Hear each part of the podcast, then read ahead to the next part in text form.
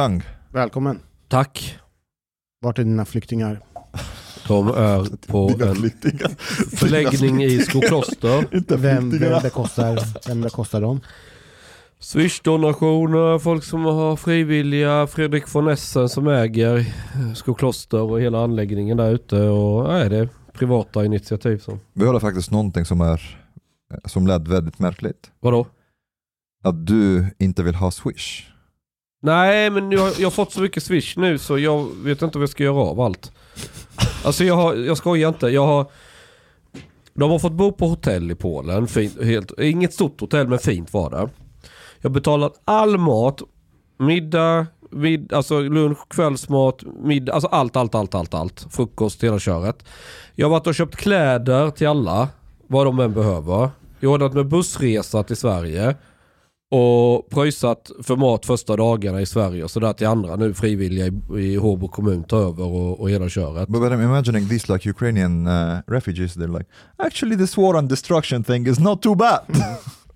Nej, alltså jag sa till dem, jag skojade ju med dem att eh, ska man vara flykting så ska man ju vara det med stil. och det har de, alltså de har ju haft, alltså, det är ju så här, nästan alla av dem har ju barn med sig. Flykting med stil. Ja. Och om föräldrarna är oroliga eller bekymrade eller du vet stressade så märker ungarna det. Och då mår inte de bra. Det är väldigt, ni fattar vad jag menar. Så jag har haft väldigt fokus på att hela tiden liksom få föräldrar att fatta att andas ut, ni behöver inte tänka på saker, vi tar hand om det. För jag tror den största, så här, om ukrainsk inkomst möter svenska utgifter så kan jag förstå om folk blir lite stressade. Förstår du vad jag menar? Om Nej. du som, Ukra som ukrainare, vad, vad är det rimligt att du max har i sparat kapital? Har du 10 000 kronor i svenska eh, värde så är det, Det är bra. billigt i Ukraina. Ja, det- de ja. hit. Ja, alltså en ukrainsk medellön ligger på kanske 4 000 spänn i månaden, någonting sånt. Medan här ligger vi 10 gånger högre, 40 000. Okej, sen försvinner men det, jävligt det, mycket är skatt, men- billigare, mycket billigare också. mycket billigare i Ukraina. Ja. Och det är klart att bara åka till Polen och bo på hotell, det, det är ingenting som de har i sin föreställningsvärld för det är alldeles för dyrt. Ja. Så jag, men jag förklarar liksom att jag betalar allt vad ni än behöver så pröjsar jag. Det är inga stora summor för, för min del att, att, att ligga ute med. Speciellt inte med tanke på hur mycket swish som kommit in. Eh, så fokus har ju varit på att hålla de här, alltså vi gott humör liksom, och sen lite framtidstro. Att ja, men ni kommer till Sverige, det kommer lösa sig, vi kommer hjälpa er få jobb, ni kommer stå på egna ben, det kommer liksom... Har du lovat allt det här? Bra fråga jag, faktiskt. jag har förklarat att, liksom, ja men Har du inte lova. berättat om eh, hur lång tid det tar innan man kommer in i arbete som flykting? Eller. De har redan varit på Migrationsverket, de är, får sina samordningsnummer vilken dag som helst. Vad, vad gör de här mammorna då? Vad är deras yrken? En optiker, eh, En är, några är, många är raketforskare faktiskt. det är helt oironiskt att i Ukraina så har de faktiskt en fabrik för att bygga just raketer eh, i östra Ukraina. Eh, de, har ju, de har skjutit upp mycket satelliter ju. Och mycket av de här raketmotorerna och sånt, i alla fall fram till nyligen byggdes i Ukraina. Men det var ju kopplat till rysk försvarsindustri. Men ryssarna har ju skjutit upp mycket åt USA ju. Men okej, optiker, mer? Nej, optiker, en är, eh, nu ska vi se, en jobbade på bank. En var skräddare, slipsar och så här grejer. Alltså specialgrejer när du gör för hand. And the rest housewives. Nej, de har nog, det är nog lite blandat med yrken där. eh, Nu har jag inte gjort en total inventering. Nej, Eh, men- vi- Jag tog med mig tre kurder också. För de har vi ju inte få av. Nej men för att balansera upp det. Ja. Eh, Nej, men jag står inte vid gränsen och håller på. Nej, du är från Kurdistan, har vi inte, så kan man inte hålla på ju. Det gjorde du ju nästan. Ja, om det kommer till, nej, så här. Det gjorde han ju faktiskt. Han, lugn med dig nu, Ja. lugn med dig nu. Det kom ju ett gäng. som var från stanländer sa Som, du. ja, men de har, ingen, de har ingen anknytning till Ukraina whatsoever. Och det De har ju åkt dit bara för att passa på nu när det kom flyktingström in i Europa. Mm. Ja, men de här tre kurderna, de var ju utbytesstudenter. Den ene är utbildad doktor, läkare eller vad fan han är ju. Eh, Den, de andra två är eh, medicinsk laboratorie någonting. Eh, Men alltså det är högutbildade killar. Ja. Eh, Och den tredje också någonting sånt. Skitschyssta. Så här, två av dem är ju gifta med ukrainska och den ena har ju en unge ihop med en ukrainska. Så tar jag hit frun så, och ungen, ska inte han få följa? Alltså kom igen. Ja, ja. Och det här, är, det här kommer bli höginkomsttagare fortare än kvickt ju. Men Det kommer bli en vänta, vinst för samhället. Lite längre fram. totalförsvarsplikt Som det här i, i, i Sverige, det omfattar också de som inte är medborgare, men har uppehållstillstånd. Så jag skulle, till exempel om det finns krig, jag skulle behöva kriga. De, de behöver inte i Ukraina, de kurdiska Nej, de behöver inte... De var där lagligt, eller hur? Ja, ja, de var lagligt och hade uppehållstillstånd i hela biten. Men de är inte ukrainska medborgare och... Så bara medborgare får, får kriga där. Ja, alltså du får ju frivilligt delta får du göra. Men du har inte eh, tvång på dig. Eh, Chang, får jag fråga dig, eh, visst var det så att du åkte ner först och främst för att hämta din anställd? Nej, därför att han kan inte lämna Ukraina så att det är kört från början. För han, han vad är det? Män mellan 18 och 60 får inte lämna landet. Mm. Så han är ju fast där han är. Och bara män, eller hur? Vad sa du? Män bara. Ja, män ja. Ja. ja. Han har jobbat hos mig i två år och sådär. Så. Sexistiskt lämn. Så vad tänkte du när Nej. du först åkte ner? Nej, men jag tänkte jag åker ner och tar lite bilder och vill bara liksom kolla hur ser det ut vid gränsen. Mm. Vi funderade på att åka in till Lviv med ju. Eh, Jag hade inte riktigt bestämt hur jag skulle göra. Men jag var ju mentalt förberedd på att vi kanske drar in till Ukraina och spanar läget. Kunde man, kan man ta sig in? Ja, ja, ja det är bara att köra in. Mhm. Det är värre att ta sig ut. In yes, out no. Ja, ute är värre. Men, men jag tog ju med mig liksom ombyteskläder så att i, värsta fall om jag behöver sova i dikena eller något så, så har jag liksom, är rätt klädd och rätt grejer med mig och sådär. För att liksom, Men, men vänta, du åkte ner bara för att kolla läget eller? Ja, jag åkte ner för att kolla läget. Jag, jag tar med... jag, jag, jo, men ta lite bilder, intervjua folk. Det kan Okej, bli någon story okej. till nyheter idag. All right. Eh, Ja, men, jag har ingen aning. Alltså, när jag åker, jag har ju inte en susning om hur situationen är vid gränsen. Jag har ingen aning om vad som väntar mig. Ingenting. Utan vi åker ner och, och kollar bara. Så vi kör ju ner. Jag åker med Roger Salström. Han ville hänga med. Vem är det? Vem är det? Han är...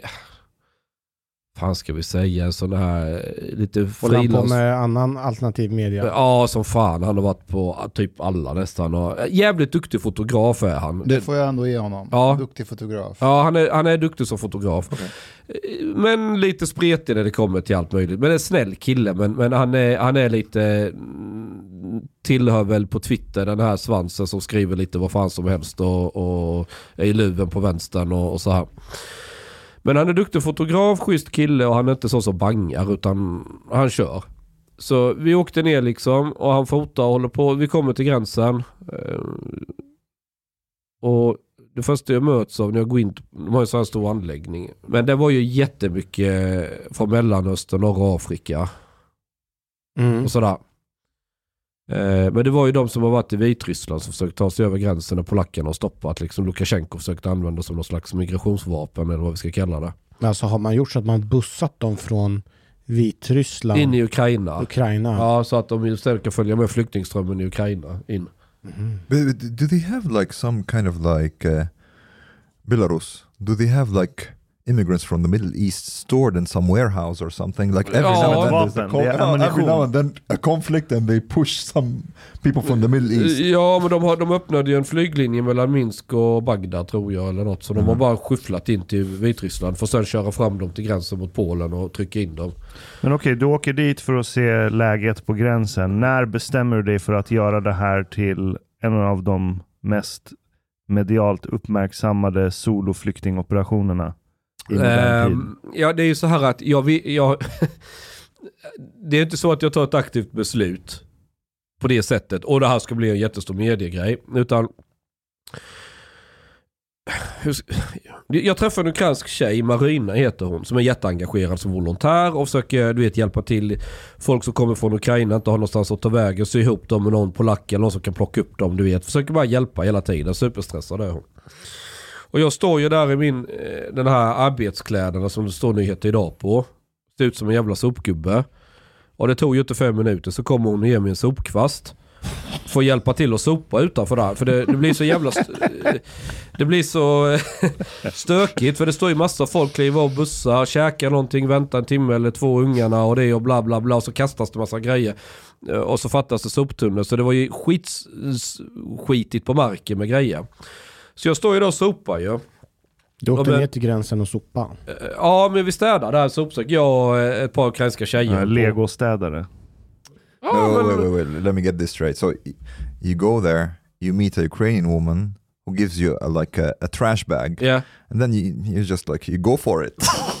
Yeah but it needed to be clean so why not? Så, så, It is närområde. It is närområde. Okay. Ja men någon Ja. behöver göra det också liksom. Vad fan bryr sig? Jag stod ju bara där. Alla måste hjälpa till. Eh, ja, så vi står där och städar och under tiden jag står och städar där, ju, och där kommer ju busslaster med folk som hoppar av och, och frågar var de ska ta vägen och det och det. Och så var det en, en mamma med son, vad kan hon vara? 40-årsåldern kanske, 35-40. Eh, och jag snackar lite med henne och vi frågar, ja, vad ska du ta vägen? Ja, det vet hon inte. Hej. Mm. Och du känner ingen i Polen eller på Tyskland eller något? Nej, hon tänkte det är väl något flyktingläge eller vad tar man vägen? Hon har ingen aning. Ja, polackerna är Ja, de har flyktingläge men, men det är ju jävla tråkigt ställe. Så men häng med mig till Sverige om du vill då. Jaha, eh, Sverige liksom. Det fanns ju inte mentalt i hennes huvud. Eh, så jag förklarade, nej men vi löser det. Jag kan nog hitta någonstans att bo och sådär. Och med pojk, grabben, han var ju 13, fyllde 14 dagen vi anlände till Sverige faktiskt. Eh, Så vi snackade lite med dem och så när jag har sopat färdigt och grejat med lite annat här så åker jag ju till hotellet. Sen kan du följa med, vi har extra säng. Eller då hade vi, första natten så var det, jag snarkar ju så jävligt. Och vi hade en till kille som heter Pierre som, som eh, när vi åkte ner. Har du sömnapné? Förmodligen. Roger, att du- Roger hade tagit sin telefon och spelat in och sov. Det lät för jävligt. Du vet att man dör i förtid va? Om man har sömnapné. Jag tror jag kan lista hundra anledningar till varför jag kommer dö i förtid.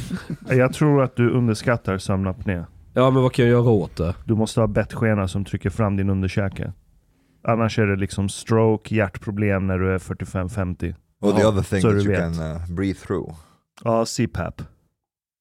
Ja, vi, vi tittar på det sen. Nu gör Mustafa lustiga gester. Nej men i alla fall.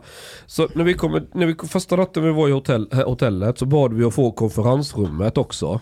Och madrasser på golvet för det var ledigt. Plus ett annat rum som egentligen inte är hotellrum men de hade satt dit sängar.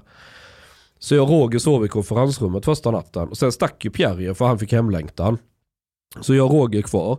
Och då hade vi ju det här hotellrummet med fyra sängar. Så vi sa till honom men det finns ett hotellrum, ta det. Mm. Så hon var där första natten, allt var bra. Sen på morgonen när vi ska käka frukost. Då springer vi på en annan ukrainsk eh, kvinna som är gift med en eh, kurd. Hon pratar bra engelska så jag var på henne att eh, nej vänta lite, ta det rätt kronologiskt, skitsamma. Men hon, vi, vi, vi har eh, den här ukrainska kvinnan i alla fall som hjälper oss hela tiden. Skitbra tjej. Eh, så vi börjar åka varje dag till gränsen i alla fall. Och så står vi där, antingen sopar vi eller hjälper till med något praktiskt. Under tiden så träffar vi alla och pratar med massa ukrainare. Och då hon Marina uh, förmedlar också folk som inte har någonstans att ta vägen. Ja men kanske du kan ta dem Jean. Ja visst jag börjar ju fylla på mer och mer på hotellet. Så till slut har jag 20 pass, eh, 25 pass med ungar. Och då, eh, då hade jag beställt efter en buss från Sverige som kom ner och, och hämtade alla. Så åkte vi upp till... Och tre dagar innan då pratade jag med, ni vet Tobbe, han som jag jagar gris med. Japp. Mm. Ja. Han var ju nyfiken på hur fan det gick där nere. Så sa jag att ja, men jag jag har ihop ett flyktinglass nu ja. Ja, kolla med eh, von Ess, Fredrik von Essen heter han. Uh, han har ju konferensanläggning. Det var ju det STs tankesmedja Oikos hade sitt uh, för några månader sedan. Jag ringer von Essen. Bara, jag har en busslast med båtflyktingar här. Åh fan vad kul! Så bara, ja men jag har, eh, jag kan, vi kan, kan iordningställa lite boende här. Det är inga bekymmer, vi fixar det. Så han satte igång eh, 6-7 snickare som jobbar typ dygnet runt. För att göra i ordning rum då med sängar, allting och måla om och göra det ordentligt. Och de har kök så det blir som ett korridorboende. Och så har de eh, liksom rum då där de bor uppdelat. Och så gemensam yta med kök, tv, soffa och ett gym på nedervåningen. Och liksom, där kan de ju stanna ett tag ju. Finns inte någon eh, ironi i det här? Det hela är upp och ner världen. Konferensstället där Oikos brukar hänga på sa ja, ta flyktingarna hit, Ja. de kan bo här. Och, och Jean Frick tog dit dem. Mm. Efter att ha Ja, jag på- tror det är möjligen ett last till på väg. Du, när du kom tillbaka till Sverige så Ja. fick du ett meddelande från en DN-journalist. Ja. Berätta lite om det. Men Eh. vänta lite, han ska berätta storyn först. Ja men jag är typ klar, nu, nu är de i Sverige. Och sen, ja det enda att lägga till det var att den här första mamman vi träffade, hennes pojk fyllde ju 14 samma dag vi kom till Sverige. Så vi stack och köpte en dator med och så hämtade jag raggarbilen så fick han åka i den. Mm. Är inte bensinen svindyr nu? Jo, men om du ser mitt swishkonto nu så har jag faktiskt råd att tanka. Så du försöker säga att flyktingmottagning, flyktingboende, det är väldigt lönsam affär? Jag vet, alltså alla de andra flyktingmottagningsgrejerna det har ju varit i Migrationsverkets regi så det är väl bara att kolla vad de har lagt på det. Har- DN. Ja det är en. Ja, Björn, av sig Björn dig? Kleen hörde av sig. Och vem är det? När DN riktigt, riktigt ogillar någon då skickar de Björn af Kleen för att göra ett karaktärsmord på den personen. Var det han som gjorde den här karaktärsmorden på den där Barbara från Engelska skolan? Ja, ja visst. Ja. Ja, Och det var ju du vet att hon använde honom för att torka av sig händerna blev sån här ja grej. det. Men det var ju att hon hade ju kamat om honom bara och så hade de sagt det. Har de då glömt att händerna var lite blöta så hade de skojat om det. Så han vilseleder ju hela situationen för att lura. Alltså, Alltså han är ju mästare. Alltså så här har han ju gjort i jättemånga grejer. Han har gjort massa artiklar som är, alla är likadana. Det är totalt förnedrande. Alltså han, han, han, låtsas att han- är din kompis och sen letar minsta detalj han kan använda för att få det att se, se ut i sämsta möjliga dagar. Vad var det du skrev tillbaka till honom? Ja, jag skrev väl något att DN måste reta sig gruvligt på att jag hämtar flyktingar om de skickar honom av alla journalister att intervjua mig. Men vill jag göra någon fejkad medieskandal så kan jag klara av det alldeles utmärkt på egen hand. Du har ju varit lite omnämnd hela veckan. Det är ju... eh, Som, var, som alla andra veckor. Jo men eh, Jens Liljestrand skrev Ja. en, en grej om dig. Ja, det var en Eh, debattartikel i, i Göteborgs-Posten med som... Ja men det var någon nobody. Det var ju någon, Ja. eh, någon bonde någonstans. Vad var skillnaden mot Liljestrand? Eh, men eh, Liljestrand hade dig, eh, Malcolm Schiune och Hanif Bali också va? Och Ivar Arpi också eller? Och Ivar Arpi. Ja. Att ni var... Ja men det var, det var mer namn, det var rätt många. Han, han namedroppade rätt många. Ja, att Vad ni sa var... han om dem då? Ja, de är Putins eh, nyttiga idioter. Ja. Och, eh, och så går han igenom lite grejer du har sagt genom åren om, om Ryssland Ja. och Putin och sådär. Hur ställer du dig till de, till de citaten genom åren? Till exempel har någon sagt till dig på Twitter så här, ja, Ryssland någonting och då, sa- och då sa, har du skrivit att nej, men det är väl inte så, Ryssland är inte så mycket värre än något annat land. Ja. Ja det var ju också 2014. Jo, jag vet, jag vet. Men, men, men hur ställer du dig till det idag? Nej men där och då så var det väl ett fullt legit argument. Det här, alltså jag tycker det här är så jävla ohedligt. Att man ska gå tillbaka i tiden nästan tio år och så, så ska man fronta människor idag med vad man har skrivit för 10-20 år sedan. Var åtta år sedan men okej. Nej men det är, i det här fallet var det åtta år sedan men det är så Ja. många andra sammanhang där Jo men, någon har sagt någonting för typ 2000 år sedan och sen så, så varför sa du det här för 2000 år sedan? ja, det men det, det, alltså det är på något sätt man förutsätter att jag 2014 skulle ha förutspått vad som hände idag. Det är lite den logiken. Där och då så, det fanns en, Men du, du trodde inte alls att, eh, att Ryssland skulle invadera Ukraina? trodde, jag, jag tror ingenting. Alltså jag, jag, jag, jag, jag väldigt du- sällan, jag förutspår och försöker spå vad som är, jag försöker förhålla mig till det vi vet här och nu. Fast jag, du, du, vi har ju diskuterat det här och du har väl ändå tänkt tankar och du sa att nej det här är inte så troligt. Nej, nej ja, det, eller så här. Publici- jag var inbjuden i Publicistklubben förra året för att summera året och så fick vi fråga vad tror vi kommer bli nästa års stora nyhetshändelse. Och de andra som var i panelen, jag kommer inte ihåg ens vad de sa, det var väl så här eh, ah, det var väl något med metoo eller något annat som är spännande i debatten och det kan bli... Och den enda som sa något om Ukraina det var jag, att det där är en bubblare som mycket väl kan, kan eh, spåra ur. liksom. Eller jag kommer inte ihåg exakt hur jag formulerade mig. Men att vi har en situation nu runt Ukraina som eh, kan bli den riktigt stora grejen. Och den, jag twittrade den där grejen med ju.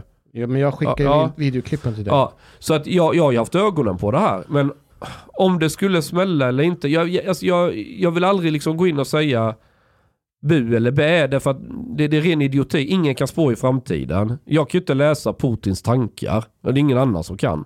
Det enda man kan göra det är man kan göra kvalificerade gissningar eller försöka hur sannolikt är det att något inträffar. Och redan förra året i, i december så, så ansåg jag ju att sannolikheten börjar bli ganska hög nu. Ska jag spela Att någon- upp klippet från den? Ja det kan du göra.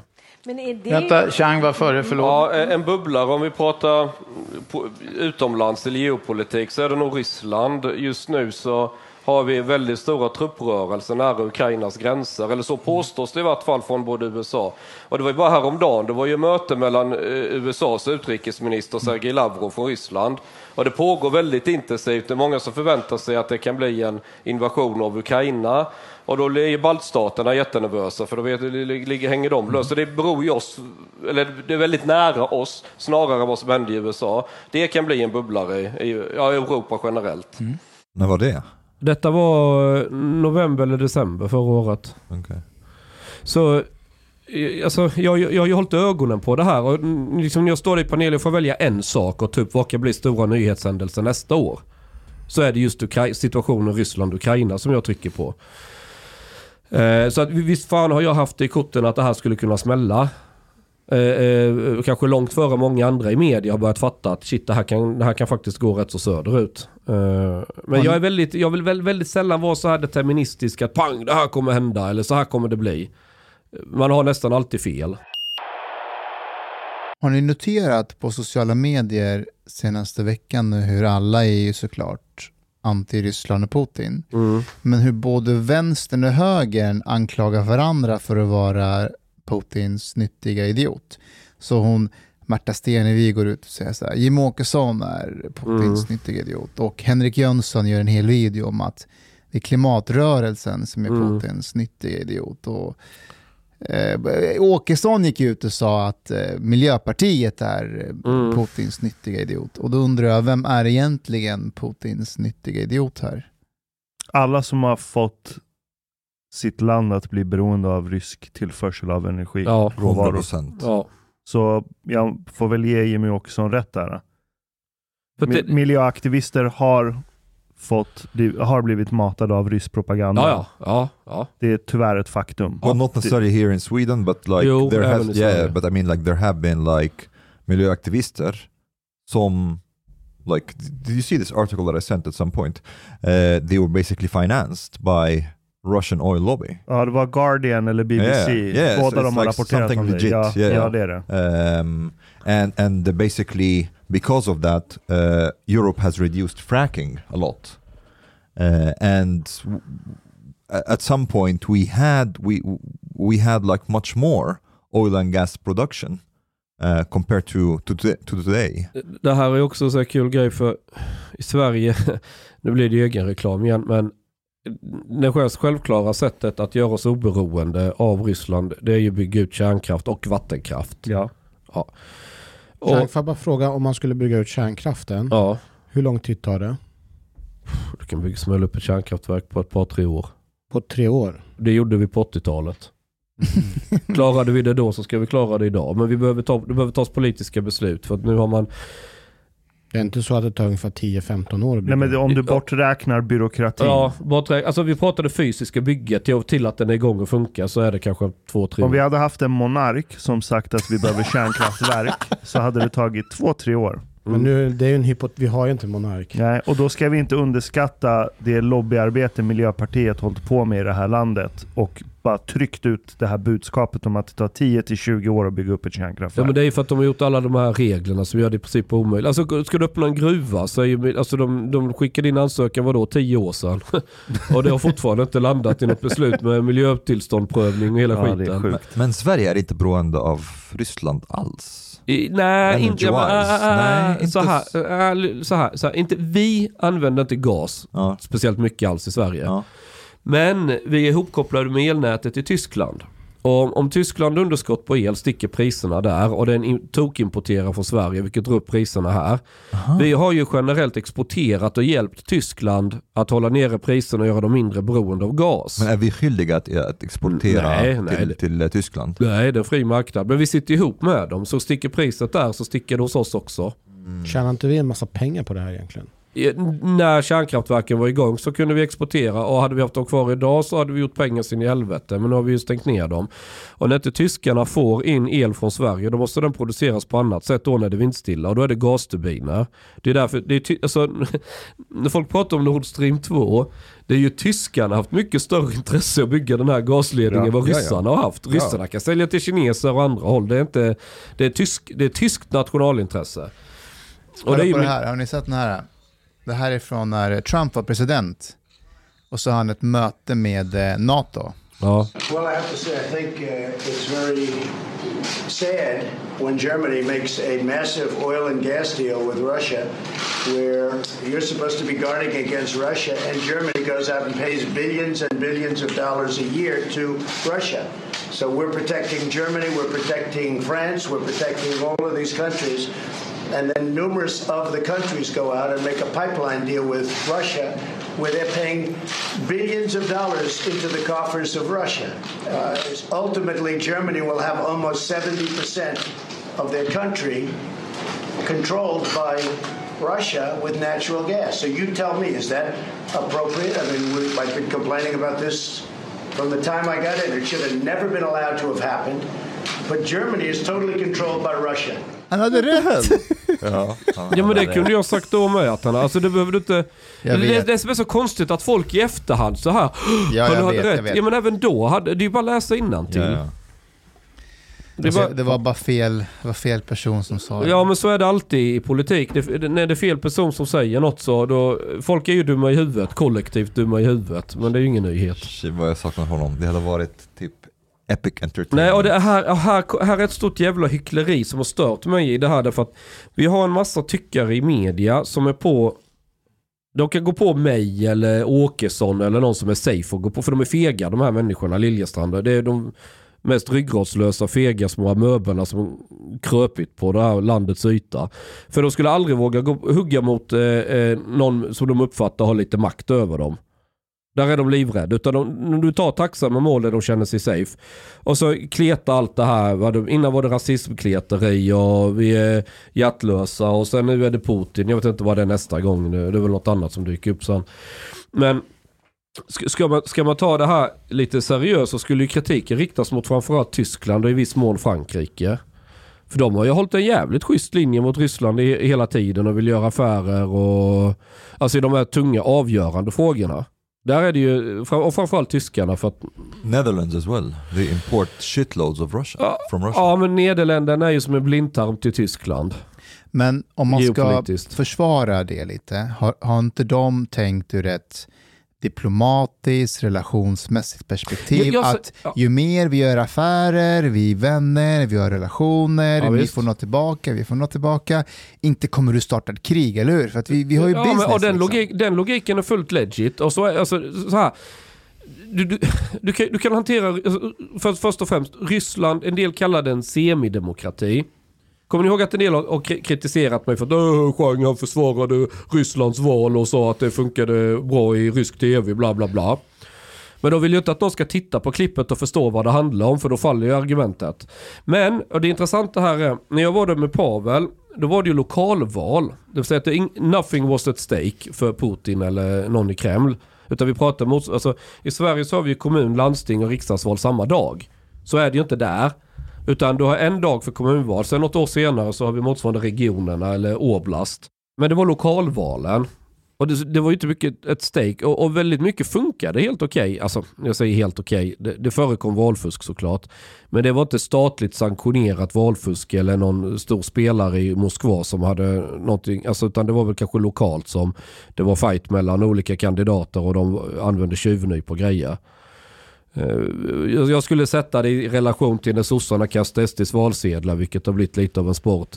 Eh, och kanske lite fulare där borta. Men, men, ändå, men, men ändå så pass att till exempel du hade i Moskva så var det ju en kandidat som var knuten till eh, Putins parti Förenade Ryssland. Som förlorade och, och fick den oppositionella a, a, a, a, som vann där i Moskva. Vilket var lite nesligt för Putin men det accepterades och legitimerades. Det var liksom ingenting. Och, och då kan man ju dra, man kan tänka så här att, jag ibland tänker så här demokrati bygger man underifrån. Kan du få lokalvalen åtminstone att något sånär funkar? Visst det förekommer lite valfusk och oegentligheter. Men å andra sidan ett land med 140 miljoner invånare, det är nog svårt att få ett val som funkar helt fläckfritt.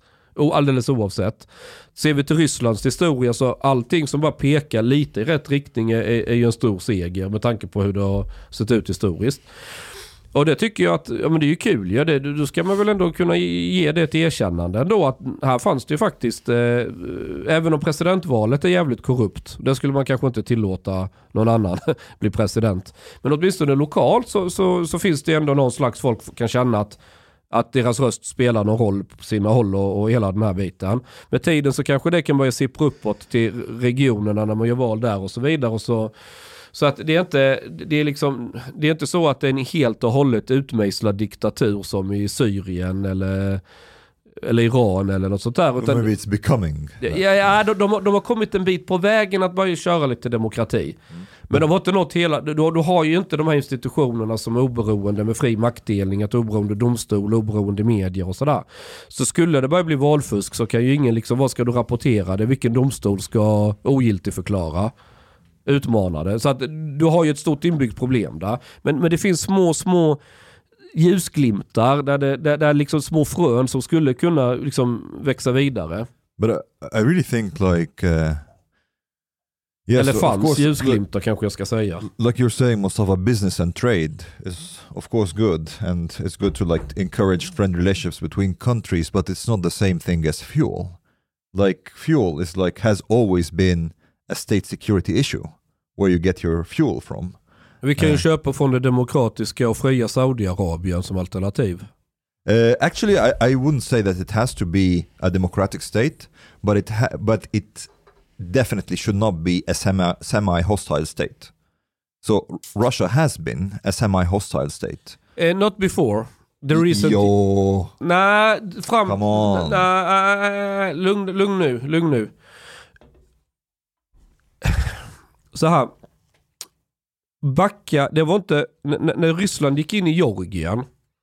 Vems sida ställde sig MUF på initialt, Niklas Wykman och dem? På Rysslands sida. Hur då?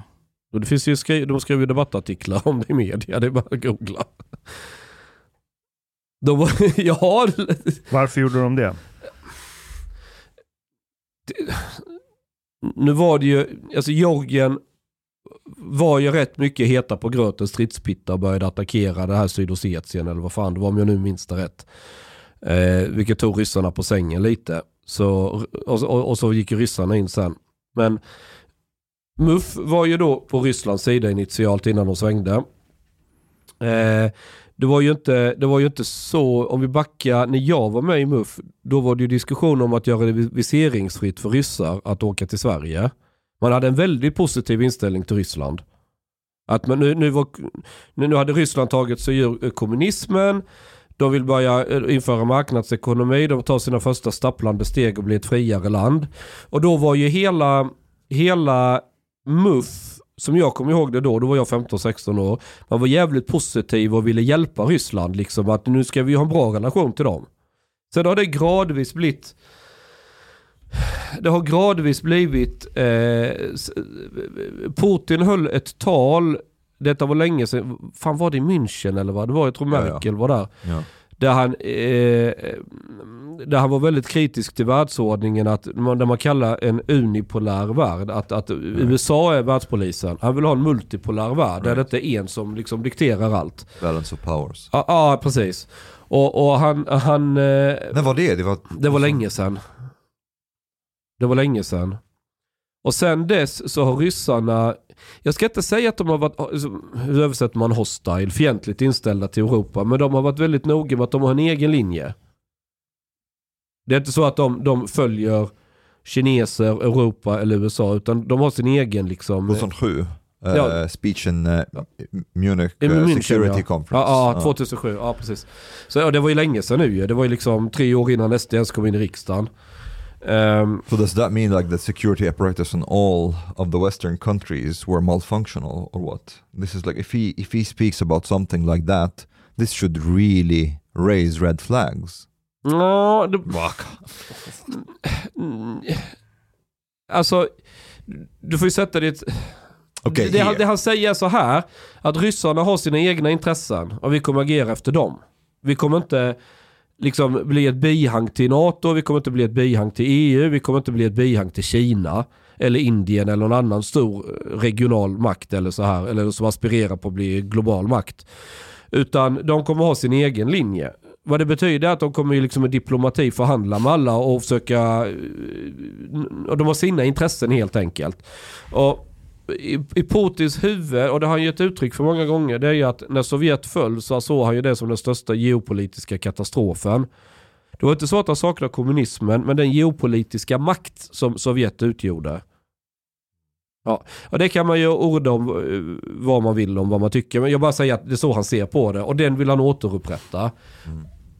Men i och för sig också, do you know, a lot of people are circulating this clip that when uh, Obama was making fun of Mitt Romney because Mitt Romney was saying that uh, Russia was like the number one security threat to uh, to the I can't remember to to America or the Western world, and Obama made fun of him, told him like you're still living like in the in the 80s, uh, like in the time of Cold War, and like um, basically that you're an idiot, kind of. Um, Jag Ja. såg det, fast Ja. grejen är att just då så hade vi också tyckt det, för just då var Syrienkonflikten, IS, jihadister, islamister och han bara Ryssland är vår största, vår största risk. Oh, well, but at the same time, yeah, okay, Ja, fine. like ja, tror jag Syria, det- ISIS, and all Ja. that. But they, they, no matter how hostile they are, they can never like be, constitute a security threat to the West in the same way that Russia can. Fast just då så Fast hade vi... ryssarna att- kan inte vara ett så stort hot. Alltså det, det, Kom igen, Ukraina. Vad är de? 40 miljoner? Okej det är ett rätt stort land men de är ju ännu mer fattiga ryssarna på, på något plan. De spöar ju ryssarnas röv nu i, i, i militärt. Om Ukraina av alla jävla länder spöar deras röv. Hur fan oroliga ska vi vara för? Alltså, Fast det är väl But- olika, det är väl, äh, är det inte, rätt om jag har fel Chang, men man kan ju kriga på olika sätt. Om USA skulle bestämma sig att gå in med flygan, äh, flyganfall och bombardera, då hade väl situationen sett mycket annorlunda ut. om USA skulle gå in med flyganfall. Ja, det också. Alltså då förlorar ryssarna på, på en eftermiddag där. Mm. Alltså, men de har kärnvapen. Ja, här, vi, that- men vänta, det här är någonting vi inte visste. Nu låter det som att alla hela tiden vetat att Rysslands armé är så pass ineffektiv som den har visat sig vara. Det visste vi inte Det, det är en papperstiger har det visat sig. Ja, main- inte helt main- papperstiger, ja, men, main, alltså, underhåll av deras maskiner har varit katastrof. Det verkar som att varenda eh, process, varenda inköp de har gjort i militären har bara kapats av från toppen. Okej, Det här var också korruption. någonting som, som jag har sagt till folk redan för flera år sedan. När jag var i Moskva med Pavel så mötte vi ju många av de här höjdarna. Det första som slog mig det är att det är gamla övervintrade eh, Sovjetgubbar. Och de är, de är kvar mentalt i Sovjet. All deras utrustning är kvar i Sovjet. Hela deras världsbild är kvar i Sovjet. Lycka till att möta någonting som är modernare än 1990. Okej, sure. Men du har dels det, sen har du också, du får ta in faktumet att rysk militär som går in i Ukraina, deras stridsmoral kommer ju förändras sekunden de träffar på ukrainarna. Men Dels alltså det var ju samma sak i Afghanistan. tappar de stridsmoral där Ja, också. därför att de undrade ju vad gör vi här? Ja. Ryssarna vill inte kriga, alltså ryska soldater vill inte kriga i Ukraina och det är många som förstår också det är att i princip alla i Ryssland har någon släkting, någon vän eller någon koppling till Ukraina. Likadant i Ukraina så alla har någon släkting i Ryssland. Det, de är liksom, det är som att vi skulle attackera Skåne eller Norge eller någonting sånt. Jo, men jag försvarar Omars hållning här att den faktorn skulle kanske i teorin inte vara ett problem om Ryssland hamnar i, hamnar i konflikt med länder som inte har någon koppling till Ryssland. Då får du inte det här problemet med att soldaterna känner en sorts samhörighet med dem de ska Eh, attackera. Nej, det har du kanske inte men, men alltså... Om vi gör så här, om vi jämför Ryssland och Iran och hur västvärlden har agerat mot Iran kontra Ryssland. Iran det är en petrostate, Ryssland är en petrostate. mm. Ingen av dem vill tillhöra väst. Ingen av dem vill vara ett bihang. Jo, ryssarna vill tillhöra väst. Folket. Nej, Folket, även- inte staten. Jag vet inte om...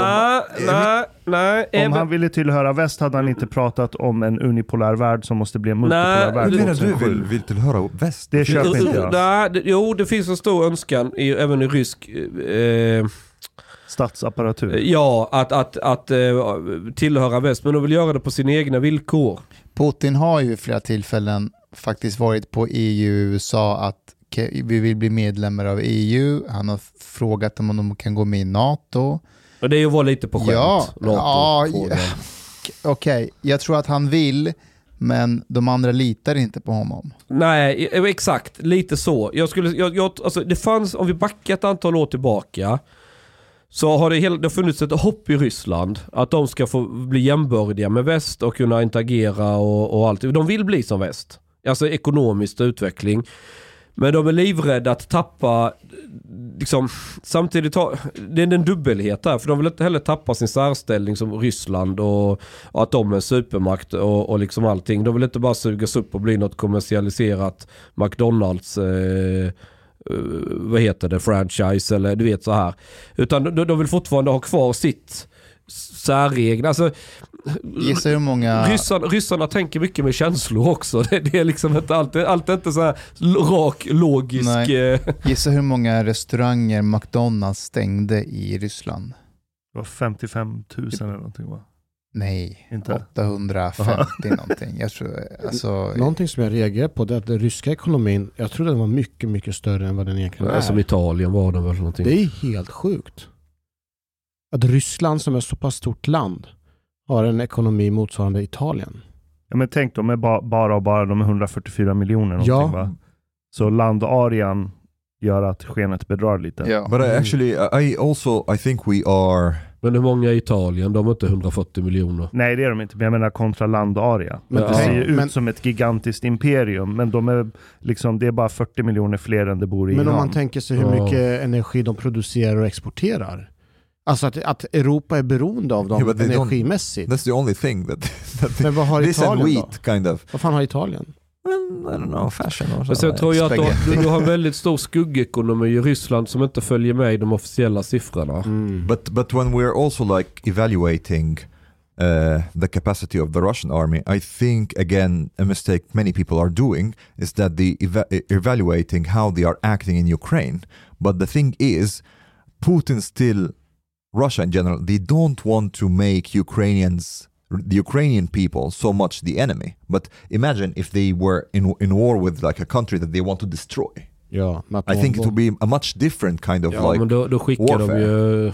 Jag tror att väst har lidit lite av sin herrejösses liberalism och naiva tro att alla länder kan bli demokratiska utan att ta hänsyn till vilken historia de har haft. Ja, Och så har de missbedömt ja, Ryssland. ja, Ryssland kan bli en demokrati.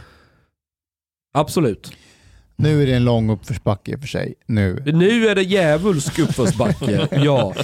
Men, men du måste Men se... från 90-talet där, eh, när, Ja, ja. där hade man faktiskt Ja. en chans. Och jag tror att både Putin och Medvedev i ett tidigt skede nog såg det framför sig att de skulle gå den vägen. Men jag, jag kanske har fel, men jag, jag tror att de någonstans har, har tänkt tanken och, och varit inne på det. Men de har varit livrädda för att Ryssland ska falla samman eller att USA ska splittra upp Ryssland. Ja men du vet, den där nojan och oron har funnits. Och hur säkrar du dig mot det? Ja då måste du ha en stark centralmakt. Men då vågar du ju inte gå fullt ut med maktdelning och allting. För det kan ju användas, då, då, då slår nojan till att det kan användas mot landet självt. Så att det, det som hindrar dem i stor utsträckning det är den här gamla Sovjetnojan. Paran, alltså paran, paranoia helt enkelt. Och den är ju max. Den har ju bara ökat och ökat. Ju mer det har blivit en ond spiral skulle jag säga. Ju mer USA anklagat ryssarna. Åh, ni hackade vårt val och ni jätte... Du vet, ju mer man truggar igång det. Då ökar deras paranoia med att fan Mm, väst Men det gjorde oss. de ju också, Chang. De var inblandade i valet. Det, Ja, det, det ja, Irak hade massförstörelsevapen. Det var tur att Nej, USA men- gick nej, in och, av. och satte stopp för det. Ryssland var inblandad i amerikanska valet. Det, Hur? bevi- vadå hur? Det, det är bevisat av Men var- amerikanska Vis- Är det inte att var är underrättelsetjänster. Var är, var är bevisen? Snälla, de grep ju de där ryssarna som var i USA. Vilka och, ryssar? och, jag vet inte vad de heter nu. Nej, men, inte jag heller. Nej, men de var... Chang, lägg av! USA, Ja, men jag, har inte, jag, jag har googlat detta. Storbritannien menar du eller? Nej men var det inte Och, med eh, Hillary Clintons konto och sådär, de läckte, de hackade och De sen hackade in sig i läckte. Demokraternas... eh, De hackade... och nu, håller de, nu håller de på att hacka, hacka in sig i svenska Du myndigheter. menar, du, du, ja, men herregud. Vadå det där har ju herregud? Wikileaks och alla, och, och alla möjliga hackergrupper sysslat med sedan 80-talet. Det är- Under så i fall har alla valpåverkat fast, alla. Fast skillnaden med det här är att, eh, om jag förstår det hela rätt, att det här är ju eh, eh, från central håll. Att det är, det är ju inte en eh, isolerad organisation utan det är från rysk... Eller?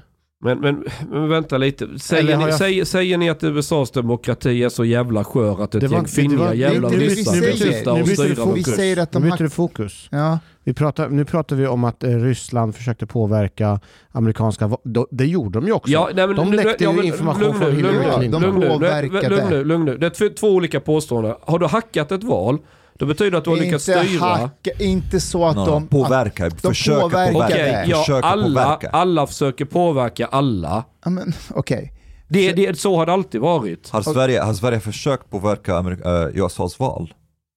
Har Stefan Löfven gett order om att svenska mil- cybermilitärer ska skapa propagandakampanjer i USA för att svinga valet åt ett eller annat håll? USA agerar så i många tredje världen-länder. Nu fokuserar vi Det, har, det gör de, ja. Har men hela Sydamerika. Lugn, lugn, lugn, jag vill bara Ja. komma till en poäng. Sverige har agerat väldigt, man kallar det lobbyism väldigt ofta. Att vi tar ett beslut och vi ska försöka påverka ett annat land i en viss riktning som vi tycker är bra. Eller det kan vara för miljön eller vad det nu kan vara. Så vi lägger mycket pengar i Ryssland för sånt där till exempel. Eh, så i någon mening, ja, men det är, alltså det är en skala det där ju. Det är en skala, men jag tycker att du relativiserar nu. Nej, jag, jag men relativisera. Det, som- min, min, poäng är, min poäng är att man blåser upp ryssarna som att de har en jätteförmåga att påverka utgången till amerikanskt För det val. gjorde de ju. Nej, det gjorde de inte. Det är alltså bullshit. läcka, äh, läcka, Att de har för- försökt att påverka, ja. Men vilken effekt har det gett? Vänta nu, alltså rätta mig om jag har fel.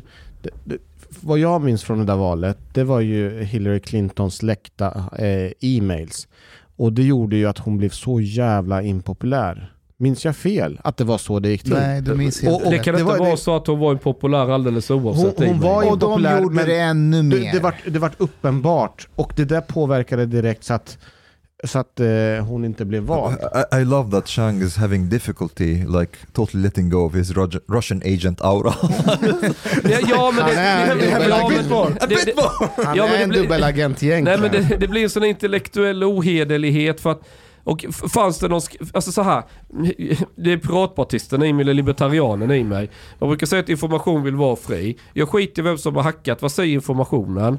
Var det en massa smuts hon höll på med så, så fine. Det kunde likväl varit en amerikansk så här, Notera vad jag säger, jag säger inte att ryssarna inte har försökt.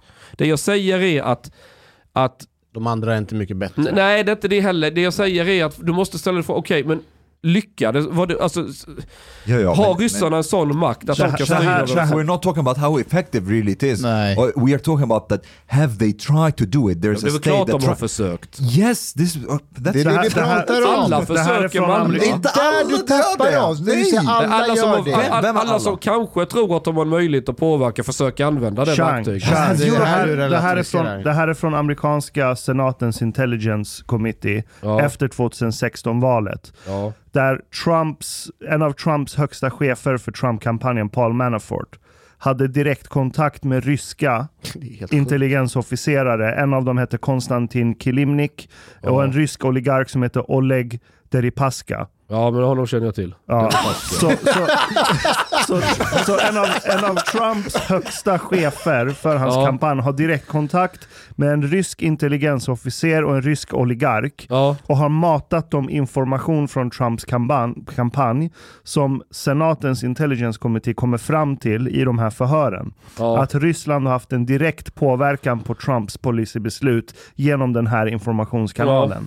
Ge mig en sån motsvarighet, säg för till exempel Sverige. Nu när du relativiserar Tyskland Sverige i det här. vem som helst. ja. Du har fucking FSB-oligarker som sitter och har direkt kontakt med Trump via proxy.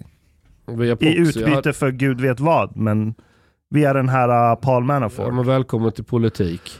Ja men nu relativiserar Nej men det är du inte, ja men ni är så här. åh nej, han har pratat med en ryss, fy fan Nej, han är men Det är radioaktiv. inte vilken ryss som helst. Det är inte en av de här Okej. 55 000 Ja, men om du, är, om, du är, om du är officiell jävla politiker och du ska ha någon kontakt med någon jävel i Ryssland så är oddsen ungefär 86% att du kommer möta en intelligence officer. Okej. Sorry men så är det. Ja, men du är inte en politiker, du är chairman för en kampanj. Det är inte så att du sitter Ja, men jag, som... jag, sa, lyssna på mig vad jag säger. Jag sa innan att det, det, det är helt uppenbart att ryssarna har försökt påverka i USA. Man försöker väl klart influera och, och för sina egna intressen. Men de har inte lyckats påverka någonting. Säger du.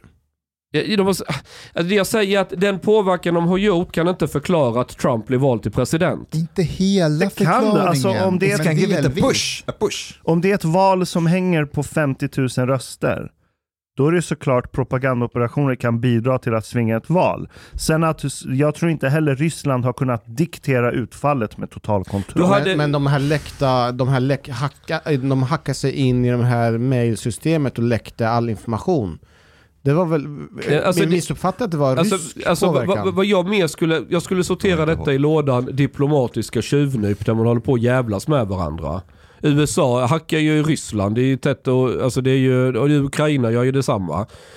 Eh, ryssarna har ju världens sämsta jävla IT-säkerhet för övrigt.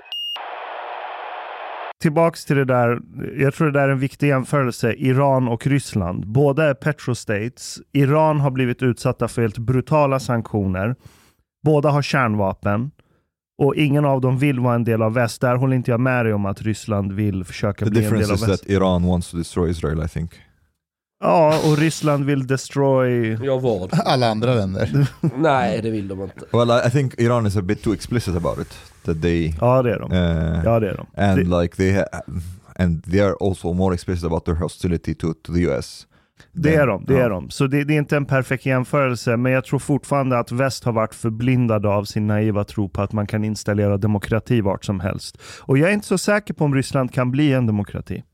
Jag säger inte jag är säker, men, Ja. men jag är aldrig säker på något. Men det är att säga att det finns en vilja i Ryssland att faktiskt bli ett, eh, speciellt yngre generation.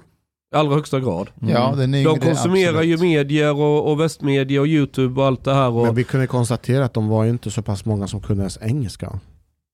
ja, men fler och fler läser engelska. Ja, men det var vi pratade om 10 procent. Alltså, sättet jag lärde mig engelska var inte skolan. Det var ju filmer och så på tv med, med text under. Det var ju så man Mm. lärde sig engelska. Samma här. Det är Ja. bästa sättet. Och det, jag tror det kommer börja komma mer och mer datorspelkulturen. All, alla ungar i Sverige vet vad Soka Bliat betyder. Jag har Genom en fråga. Så det som händer i Ryssland nu, det är ju, alltså Putin försöker förklara för ryssarna att nej men, vi var tvungna att gå in, det var massa nazister och fascister där, vi var tvungna att hjälpa våra bröder och systrar. Mm. Okej, hur, frå- hur länge kommer man kunna hålla på med den informationen? Eh, och så intalar han ju folket att eh, alla de här sanktionerna som har kommit och det kommer påverka dig och mig, det är, det är för att väst hatar oss. Det här är västs sätt att, att, att förstöra för... Ja, men vänta, vänta. Frågan är hur länge kan han få dem att tro på det här tills folket bara så här, ja det kanske ligger en liten sanning i det här men det var ju du som fucking startade kriget som gjorde att de här sanktionerna kom. Hur länge tar det innan folket vänder sig mot Putin och hans generaler och oligarkerna? Jag tror att när den materiella standarden sänks rejält. Uh, partly, but but not just that. Nej, inte bara, men det, det, det är nog en stor förutsättning. När, när folk får, i sin vardag får det, när det är brödköer, då börjar det verkligen gunga under Och fötterna. då bryr man sig inte om att förklaringen att ah, väst har gjort det här mot oss, bara vad var det som fick igång det här? No, but but but the thing is, you uh, Russians have a lot of family, like they have a lot of ties with Ukrainians, so they actually they have some kind of communication where the Ukrainians are telling them what's happening, and they kind of have some trust to them. So that, that's that's one thing. Um, but also there have been also campaigns, uh, even on the internet, to try to reach to the Russian populations, uh, like even sending like random. I heard like some. I, I was listening to the BBC and they they said that uh, I can't remember who was doing that. They said like uh, they sent about 20 million emails to Russian people. Uh, basically telling them about like that um, Putin is lying to you and things like that, um, and oh, uh, I guess it, it will affect some. Okej, jag var lite harsh. Notera en sak, notera en sak. Nu pratar man som det var dess självklarhet att väst ska in och informera ryssarna om hur hemsk deras regim är. Men det är inte någonstans någon form av påverkan. Men om ryssarna läcker lite e-mail och visar att Hillary Clinton var korrupt så är det, Förstår ni vad jag menar? Kopplat till valet, direktvalet. Ja men hade vi haft val i Ryssland på rätt sätt så hade De ville kunnat... få Trump vald, det skulle gynna dem och det gjorde det också Putin och Trump stod bredvid varandra på en presskonferens. Han får en direkt fråga av en amerikansk journalist. Alla dina underrättelsetjänster säger att Putin påverkade valet. Ja, men- Och då säger Trump jag litar inte på min under, underrättelsetjänst för att Putin sa till mig under mötet att han inte har någonting med det här att göra. Han fucking vann! Okej, hur funkar demokratin i USA? Du har alla stora företag backar, eh, eh, då de köper ju lojalitet hos presidenten genom att backa deras kampanj med en jävla massa pengar, lobbyism. Och så får, lo, blir de lovade någonting tillbaka ifall presidenten vinner. Är ni med? Ja. Ja. Absolut, Ryssarna agerade som ett företag, de, som en stor jävla bensinstation. Så det är det här du tappar bort oss. Du kan inte, jäm, du kan inte likställa de här företagen i USA med fucking Ryssland som, som dödar journalister och förgiftar sina motstånd. Det du beskriver med Ja, lobbyisterna för är ju- oljebolag har aldrig förgiftat nej, nej, nej, någonting, släppt ut en jävla massa här olja i företagen havet i USA, de är inte bra, nej, de är inte perfekta. Men jag väljer dem dagligen i USA framför Ja, men det, här är, inte- Ryssland. det är inte en fråga om vem som är god eller ond. Jag, jag, jag pratar inte utifrån vem som är god eller ond och vem som är nobel och elak och dum. Det här som du håller på med nu, det, det här är precis... Nej, du vill ha in under- mig i ett känslomässigt Nej, resonemang nej, nej, nej, där jag nej. ska bara känslomässigt måste vara emot ryssarna till varje jävla pris. rationellt skulle du håller på att relativisera Nej, ni, säger, ni kommer med ett påstående att Ryssland hackade valet och ni kan inte bevisa det. Det- Det, enda ni säger är att ryssarna försökte påverka, lyckades i någon mån med läckta e-mail med Hillary och sådär. Men var det det som avgjorde valets utgång? Jag har fucking ingen aning. För när det är valrörelse i USA så är det valrörelse på steroider. Det är en miljon nyheter som bombarderas varje dag. Som håller på. Alla drar åt alla håll och kanter. Det är rena jävla kaoset. Jag, jag tror ingen av oss här säger att det var hela pusselbiten, men en, en rätt Okej, men- hyfsat Men, stor men, del ja, men, så, så, ja men så har internationell politik funkat i Ja, evigheter. där, och det är där Länder du- försöker på, tror du inte eh, Indien försöker påverka i Pakistan och Pakistan försöker påverka ledarskapet i Indien? Tror du inte kineserna försöker i afrikanska länder? Vad Alla har det med försöker. saken att göra? Nu snack... Därför att det är så det har varit hur länge som helst. Man kan inte bara skita i historien och gå in i enskild punkt. Titta vad elaka de är. Men det här har varit spelplanen hur länge som helst. Och så plötsligt låtsas man som att det aldrig hänt tidigare, att nu är det något unikt. Det vi och det här har förändrat hela världen. Ja, ryssarna försökte... eh, De försökte Ja, de försökte Af- påverka, ja. So what? Ja. Vadå, men det är det här, vadå so what? Det är, man, man, du kan inte bara så här, Vi luta dig försöker säga att det tillbaka. är Nej, inte nej, bra. nej, nej, nej, det, det är så här. Vi vill har, ha vi har ett gäng ungar, vi har ett gäng ungar på en skolgård. Alla håller på att mobba alla, men det finns en unge som vi inte tycker om. Så nu pratar vi bara alla fel den ungen gör, med skit i alla andra. Och så, så fort man nämner, ja men det här har ju varit common practice nu i fyra års tid på den här skolgården. Äh, du relativiserar den här jävla ungen för han har fel hudfärg Okej, eller okej, vad det he- he- är. Han är den onda, vi skiter i vad alla andra har gjort. Det är bara han vi ska Chang, prata det är om. bara the difference- Putin vi ska Chang, prata om. The difference, the difference I think is, it seems to me at least, that we see Russia as the enemy and you don't. Jag ser dem varken som vän eller fiende. Yeah, and we see Russia as the jag, enemy. jag ser sällan stater som Fast- vän eller fast, fiende. eh, Du Men- ser men- sossarna de, som de har intressen. Chang, Chang, Chang, Chang. Men eh, ser, du- ser du ryssar som potentiell fiende mot Sverige idag? Det här befinner vi oss idag. Nej, alltså de undersökningar som finns visar att ry- ryssar i gemen har ganska bra bild av Sverige. De har, de har fucking hotat oss två gånger! Har hela Ryssland ställt sig bakom Lavrov? Regimen, Hela regimen, vi pratar om regimen. Hela Ryssland var inte bakom att Nej, Ryssland, Ukraina heller. Ryssland. Sa ni Ryssland? Ryssland. Ja, Ja, ja, vi pratar om Ryska, regimen. ry- Ryssland, alltså, Ryska regimen. Ja, de, de visar tänderna mot Sverige för de vill inte att Sverige ska gå med i NATO. Vet du vad det här påminner mig om lite grann? Det här påminner om när man jobbar i förorten. Så är det alltid massor med skurkar. Eh, Det är en, eh, skur, skurkar. Banditer. banditer, skurkar. De går och trakasserar, trakasserar enskilda familjer. Och så, så säger de till den här familjen så här, om du går och anmäler dig till polisen kommer vi knulla skiten ur dig. Och det är precis vad Ryssland gör nu. Om du går med till NATO och går med där, då kommer vi knulla skiten ur dig. Ja, så gör det- ryssarna mot oss idag. Ja. Och vi bara såhär, åh, ska vi gå till polisen eller inte? De är Det- geopolitiska Adidas-riddare. Typ. Ja, exakt. Ja, men Ja, det var men- maffia. Det är fucking maffia. Det är en stat som är maffia. Kom inte och säg nu att den amerikanska staten är också maffia. Fast den är det lite grann. Fast, alltså, ni, ni, det är det som att ni är små barnungar som börjar upptäcka hur geopolitik funkar. Nej, nej, nej, är nej, nej, nej, nej, nej. rummet. Chang, Chang. I'm, I'm with you, I understand that everybody does it. Och when against basically states that are somewhat not totally friendly they're not totally friendly towards okay and i'm really ex- like trying to convey to you that the difference in in this clash is that we see russia as the enemy this is maybe the difference. So yes everybody does it but they are they are the fucking enemy. Ja, vill, Alltså du, staten, Vill- regimen, vill du- inte vill- regimen, folket. regimen, nej. Vill du vara en del av väst och vill du närma dig Europa och bli en ordentlig officiell handelspartner som vi kan lita på, då ska du manipulera valen på rätt sätt. Du ska Ja, köpa exakt. reklamplatser i rätt I tidningar. DN. För Ja. kinesiska Du staten ska, ra- du ska rasiststämpla människor som inte håller med dig. Ja, ja, Gör det på ett jo. finare sätt, på vårt ja, sätt. Jo. Förgifta inte folk, döda inte journalister. Sna, snacka skit om dem, skriv Jo, debattartiklar. men, jo, heter du Julian Assange kan vi låsa in dem på obestämd tid så han ruttnar i någon fängelse sen. Vad, vad, vad, vad, var det Julian Assange hade gjort nu igen? Ja, han avslöjade ju att amerikanerna nöjessköt på araber i Ja, Irak då och ska han sådana sitta i fängelse. Ja, ja. Exakt. För att det han gjorde, att han avslöjade, det står jag bakom varje dag i veckan. Det var helt rätt att han avslöjade. Men han begick ett fucking brott. Om fler börjar göra som Julian Assange, då försvinner lojaliteten, försvarsmakten försvinner, Ja, jag håller helt staten med. Det är därför jag är emot försvinner. demonstrationer i Ryssland. För det är också brottsligt nu. Vem fan vågar ifrågasätta vad ryska staten gör där? Det är ju samma grej. De fucking griper folk som går med tomma eh, eh, plakager. Det står ingenting på dem. De bara står så här på gatorna. Jag tycker vi, De- vi, vi, där Julian, poäng, eh, journalist, Julian du kan aldrig kriminalisera journalistik. Lite mer.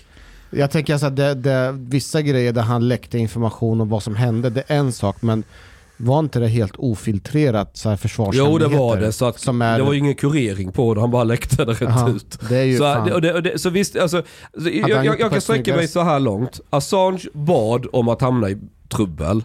Det gjorde han. När han kom Så- till Sverige. Precis.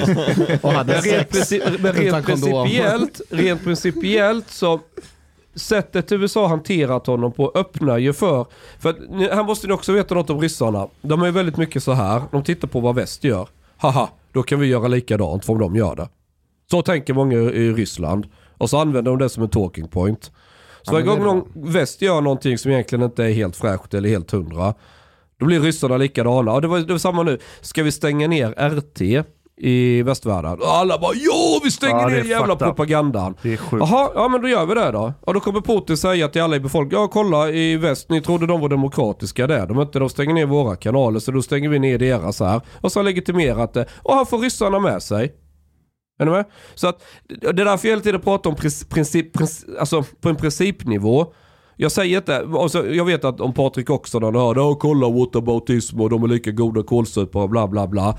Det, det är liksom inte, min poäng ligger, ligger inte riktigt där. Men vill du försvara så demokratiska principer, leva upp till dem själv i första hand så hårt det går. Det är bästa sättet att övertyga andra om att det faktiskt är något att hålla fast vid. Hur tycker du att du skötte med tanke på att du sa att Sverige var fullt och så, så åkte du ner och hämtade fler flyktingar? När sa jag att Sverige var fullt? Ja, jag ska ta reda på det. Ja, det jag. Utmanar dig. Men, men det, det kommer typ fler än 200 000 flyktingar inom tre månader. Det, Ja. är, det är ditt fucking fel. Är det mitt fel? Ja. Du startade det här. ja.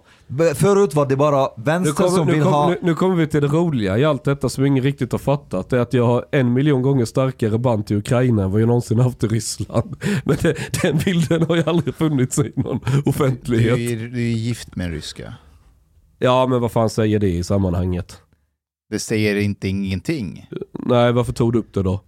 Men anyways. Jag säger att det säger ju någonting än ingenting. Det är en grej jag inte fattar. Alltså hon hatar ju Ryss... Hade hon varit här hade hon varit den som hade pratat mest skit om Ryssland. Okej, men, men förut var det bara vänster som vill ta emot flyktingar. Ja. And now you fucking made it that both vänster och höger vill ta emot flyktingar. Därför att det är så Och här. han höjde Jag körde. antalet också. Han Ja. höjde antalet också. Det var 156 000 som kom nu. Nu kommer det komma 200 000. Ja, inom Vi tre ska- månader. Vi, alltid vi ska nog kunna klämma in mer än så. Eh, så här. Varför? Varför? Därför att ju mer ukrainska kvinnor och barn, ju viktigare blir det att utvisa de som inte har, har, har här att göra för att göra plats för de riktiga flyktingarna. Ja, och det kommer vi ha tid med då. när det Shit, now I 200 000. understand. Okay, I, I've been. The thing is, I've been like thinking about why is Shang doing this? I'm like, hmm, maybe he's going to start some asylboende. Nej, det kommer jag inte göra. Är som and, att ta pressstöd och hora Mm. sig för staten. and then I'm thinking like, huh, maybe he will he will use them like some cheap labor or something. Ja det är också. Jag har ju, grat- jag har ju barnvakter for life nu ju. Mm. I also suspected that maybe he will start a bordel or two. Who knows?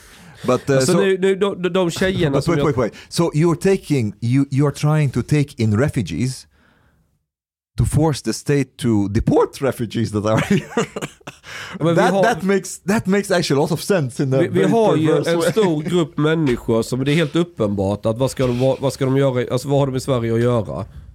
Begår brott, lever på bidrag, har inget intresse av att liksom bli självförsörjande eller någonting. Ut med dem.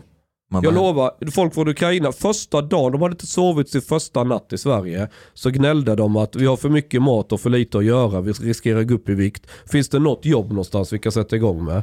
Men det är en grej jag inte fattar här. Tar vi in folk från Ukraina för att det är en vinstaffär eller tar vi in dem oavsett för att vi måste hjälpa människor i krig? Det tycker jag är en underbar fråga för...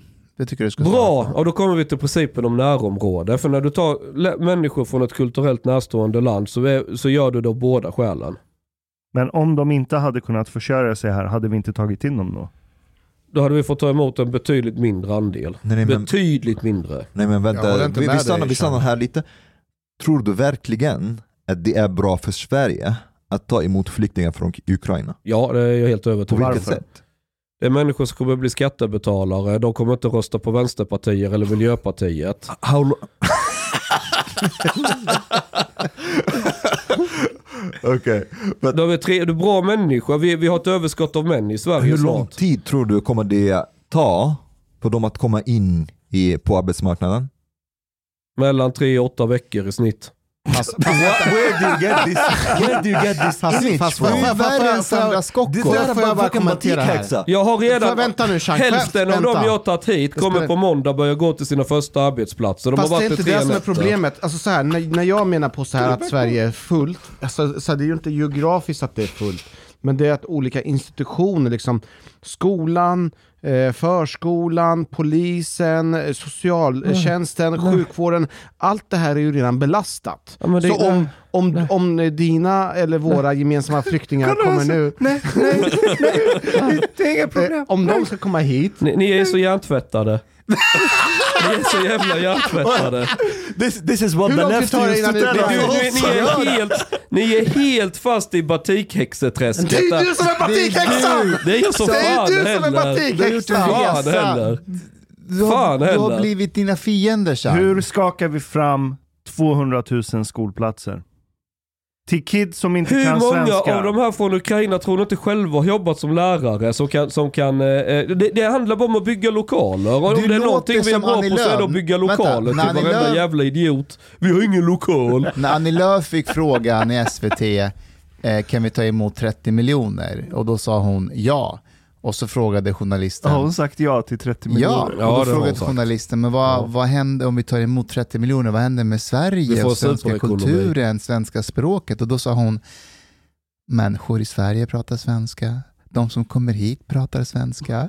Ja, de pratar inte svenska Chang!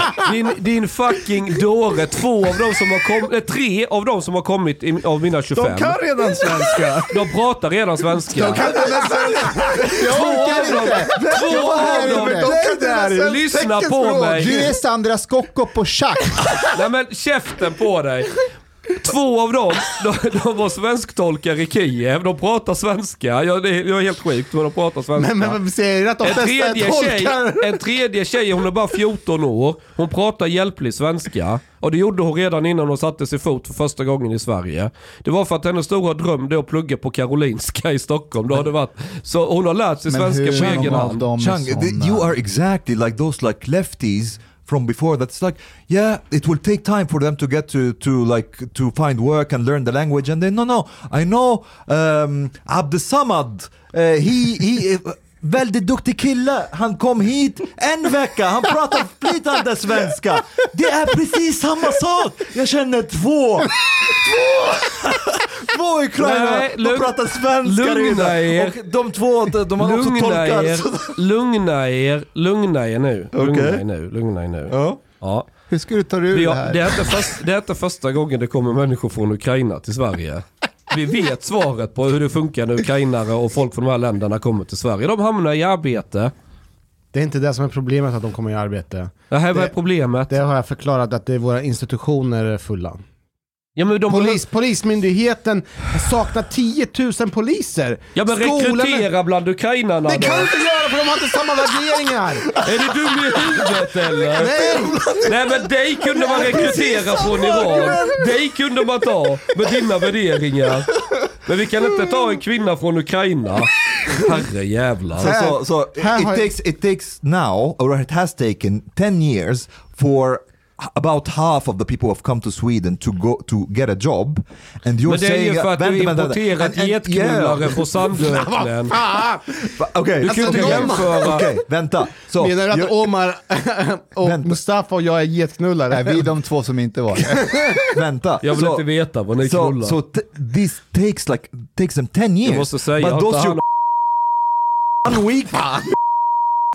so han har inte Han sa att han har... Ja, okej. It du takes bara. them- so it takes people who came here, half of them, 10 years to get into the labor market. And you're saying these Ukrainians, Tre veckor. tre veckor. and uh, we're not talking about two, we're talking about fucking 200,000 people that will come within three months. Fattar du vilka skatteintäkter det blir? Ska inte tänka vad? Men du har, Nej, de inte, jobbar. du har inte svarat på den frågan. Är det humanitärt På det- syfte Jo, eller det här ekonomiskt säger syfte? båda två. Va- Det här Är vill det jag veta. ekonomiskt syfte eller humanitärt syfte? Både och, det hänger ihop. Du kan inte, det är inte humanitärt att ta emot människor som sitter och glor på tvn hela dagen. De måste få, alltså, det har med din egen självkänsla att göra. Nej, du men måste, nu snackar vi krig i närområdet. De dör där. Ska de Okej, dö eller ska okej, de komma okej, hit okej, och ställ- bli en okej, minusaffär? okej, okej, okej. Var har flest människor från Syrien hamnat? Inte i Sverige, det är i Turkiet. Tror ni de sitter i Turkiet och inte gör något om dagarna? Det, är klart de jobbar där. Chang, svara på Det frågan istället. frågan. Vad var frågan? Är det Frågan är, tar vi in flyktingar från Ukraina just nu, bortsett från det flyktinghaveri Sverige har haft Mm. fram till nyligen. Mm. De flyktingar som tas in från Ukraina nu, är det humanitärt syfte eller ekonomiskt syfte? Sa båda. Eh, båda skulle jag säga. I, I första skedet humanitärt, alltså den första omedelbara tiden, att de kommer över. Ja. Men sen så har du ju den långsiktiga planen, de får ju stanna, vad är det, tre år eller något jag läste? Någonting sånt. Ja, det är någon Schengen-grej va? Det måste vara så som Eh, Chang ja, säger. Ni- 90 Ja. dagar får de vara här. Nej, Nej, nej, nej. oh, yeah, that is the visa, yeah. But they have Ja. like basically changed. I think I can't remember. Massflyktsdirektiv. Just just det, just det. Ja, Ja, ja, jag, jag tror det var upp till tre år eller något Ja. och sen får de söka om om de vill vara kvar här. Alltså premissen Min- måste ju vara som du säger Chang, för om det skulle vara att man inte skulle vara ekonomisk så skulle vi slänga ut alla som inte är tillför någonting i Sverige idag. I think he would support that. But uh, Ja det gör jag. Ah, told you. But uh, but but this is. Do you think? First of all, I, I disagree with you that they, they will fit in uh, in uh, three weeks, like you're saying. That's one thing. Second thing, do you really think that Sweden is a good country for them? Not all of them. Some Varför? of them are worried about the criminality. Men, men Är det, det sant? Expressen gjorde ja, ja. reportage. Men det, De sa vi vill inte lämna ett- krig till ett annat vet du krig. vad det sjuka är? Vet du vad det Ja. sjuka är? Vet du vad det sjuka är? Jag hade nog två mammor vid gränsen som avböjde att följa med till Sverige med det argumentet. Men jag vågade inte säga det för folk skulle anklaga mig för att sprida falsk propaganda och hitta på. Så jag tänkte, jag sa till Roger, men vi håller tyst om det. Ingen kommer tro oss. Ingen kommer tro oss. Men så skrev Expressen det. Sen så tänkte jag, oh det kom från dem i alla fall. Alltså när Är jag såg rubriken så trodde jag först, åh det är säkert fria tider eller nya tider som har... Och det var Expressen. Nej, nej, jag, jag, kan bekrä- jag har hört det också, men inte av många. Men jag tror det var två som sa samma. De var lite oroliga för Sverige för att de vet inte om det är så säkert land att åka till. Hörni, jag har en so fråga now, till er. men- men vänta. So now we have like spent all this time trying to like fight against the lefties who tell us like how much it will like basically be good for the country to have like hundreds of thousands of flyktingar. And now we have to go against the right as well. Ja. Det handlar om ukrainare. Det handlar om barn. Den den här gången handlade det om barn på riktigt. Jag, jag har en eh, fråga. Den, den här frågan fick jag eh, i veckan. Ja. Eh, alltså, Hanif, du har ju kommit själv hit som flykting. Ja. Och Mo, vi har ju tagit in, och du tillsammans med dina poddkollegor som sitter och poddar och är väldigt kritiska till flyktingar och så här. Ni har ju själva kommit hit som flyktingar hit i Sverige. Men med ert resonemang så skulle inte ni själva kommit hit. Vad är det för resonemang? I, I've got that question in a date and I talked about it before. Vad är det för resonemang? Jag förstår inte. Det vill säga att vi som har kommit hit som flyktingar, vi om någon borde vara mer öppna för att andra kommer hit som flyktingar. Jaha. Istället för att vara kritiska. Yeah, but w- like the girl like on the date told me like, and she she was quite upset and she said like you are ungrateful. Like what would you have done if Sweden has closed it, its doors when you came? I said it's actually very simple. I would have gone to Netherlands or Germany. Sweden is not the only country in Europe. So Ja, I- men- men and det- Sweden is fucking full. Sweden is fucking full. Ja, hör du mig Chang? Sverige, Sverige är fullt om vi ska importera fler analfabeter från, från Sandöknen. Ska jag Ja. säga någonting sorgligt jag har observerat när jag träffar andra afghaner? Speciellt afghaner som är etablerade i Sverige. Jag åt en lunch med en, med en afghan härom, häromdagen som, eh, som skriver böcker och är så här, rätt etablerad. Och när vi sitter och Pratar äter... du om dig själv nu eller? Nej, och så när vi sitter och Finns det äter... fler afghaner som skriver böcker här? ja, det, det är ju inte sant. It's, it's a bit strange but continue. Någon, någon försöker göra reklam för sin bok, men kör på, kör på. Hur som helst. Boken har översatts nu till arabiska. det handlar om sju råd. Eller var det sex råd? Ja, hur som helst. Eh, när vi sitter och äter lunch så observerar vi båda två samtidigt. Jag frågar honom så här, "Ja, men vilka umgås du med, alltså eh, vänner och så? Och då säger han så här, jag umgås inte med andra afghaner. Och det gör ju inte jag heller.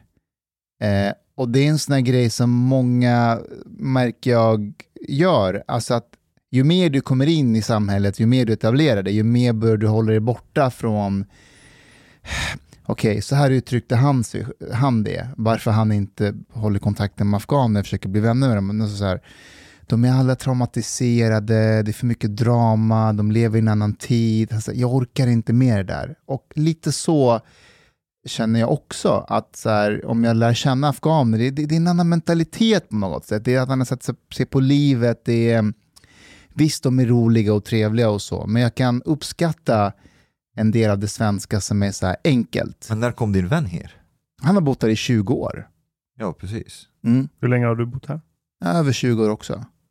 Är det dig själv du pratar om? Nej, nej, men jag ska bara säga så här, däremot, däremot jag, eh, jag har ju inte heller så många etniska svenska vänner.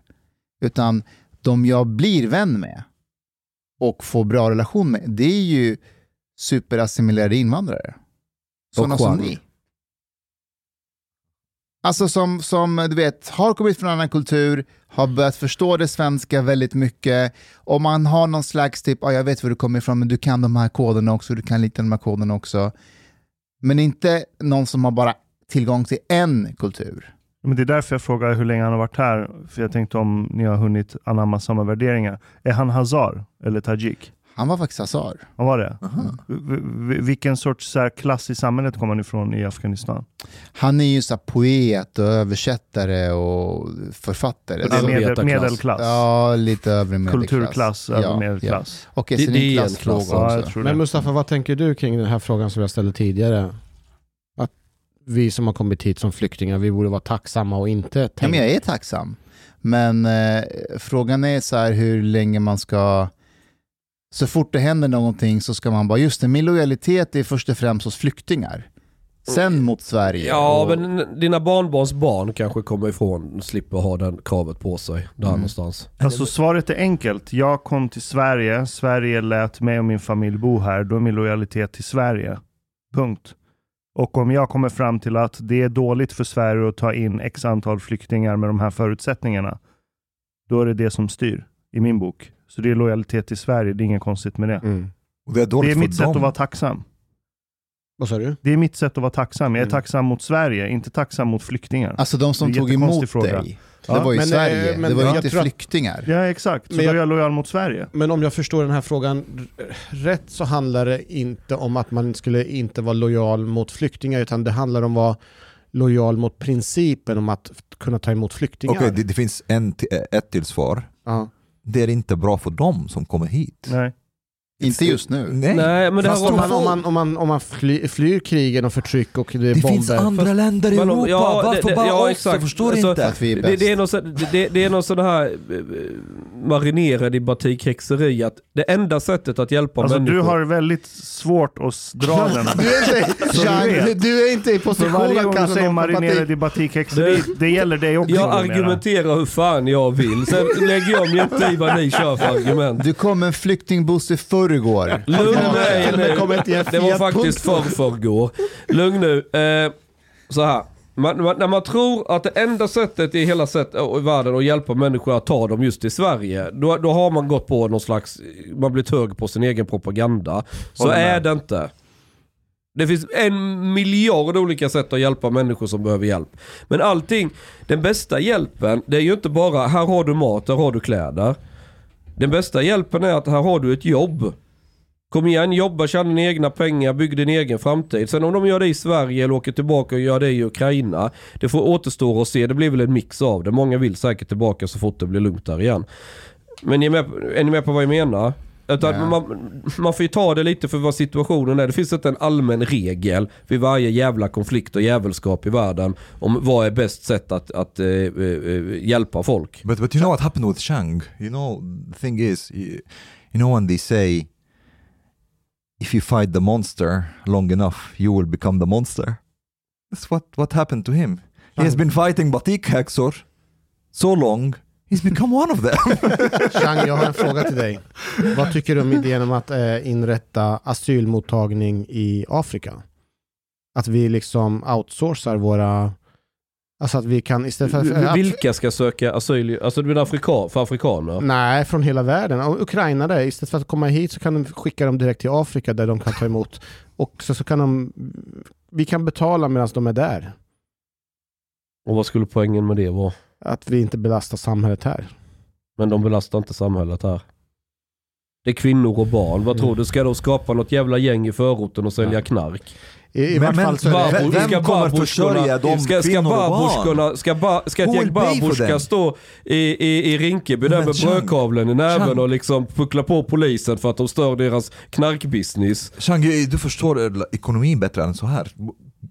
Ja, jag will- fattar ekonomin will- väldigt bra. Yeah, who will pay for these women and children? Themselves, Hur då? How? Hur då? by working, Hur då? Where? Var? How do you pay for yourself you fucking immigrant? Tell me, how? Who is paying for you Omar? That's actually that's actually a very good point. Do you think do you think if there was like suddenly like imported 200,000 people from Egypt at the same time, all of them uh, what what do you think the percentage of them that would be like able to to make a living right now? It depends what Egypt, eh, what, vilka människor från Egypten vi tar emot. Är det skräpfolket eller de med utbildning? A sample from the population. Jag, jag, har, jag har inte koll på ration getknullare kontra högskoleutbildade. Jag vet inte. Okej, har man vettat de här 200 000 som Jag har själv hand, alltså jag, vet, jag kan svara för dem jag har tagit emot och jag har handplockat dem vid gränsen själv.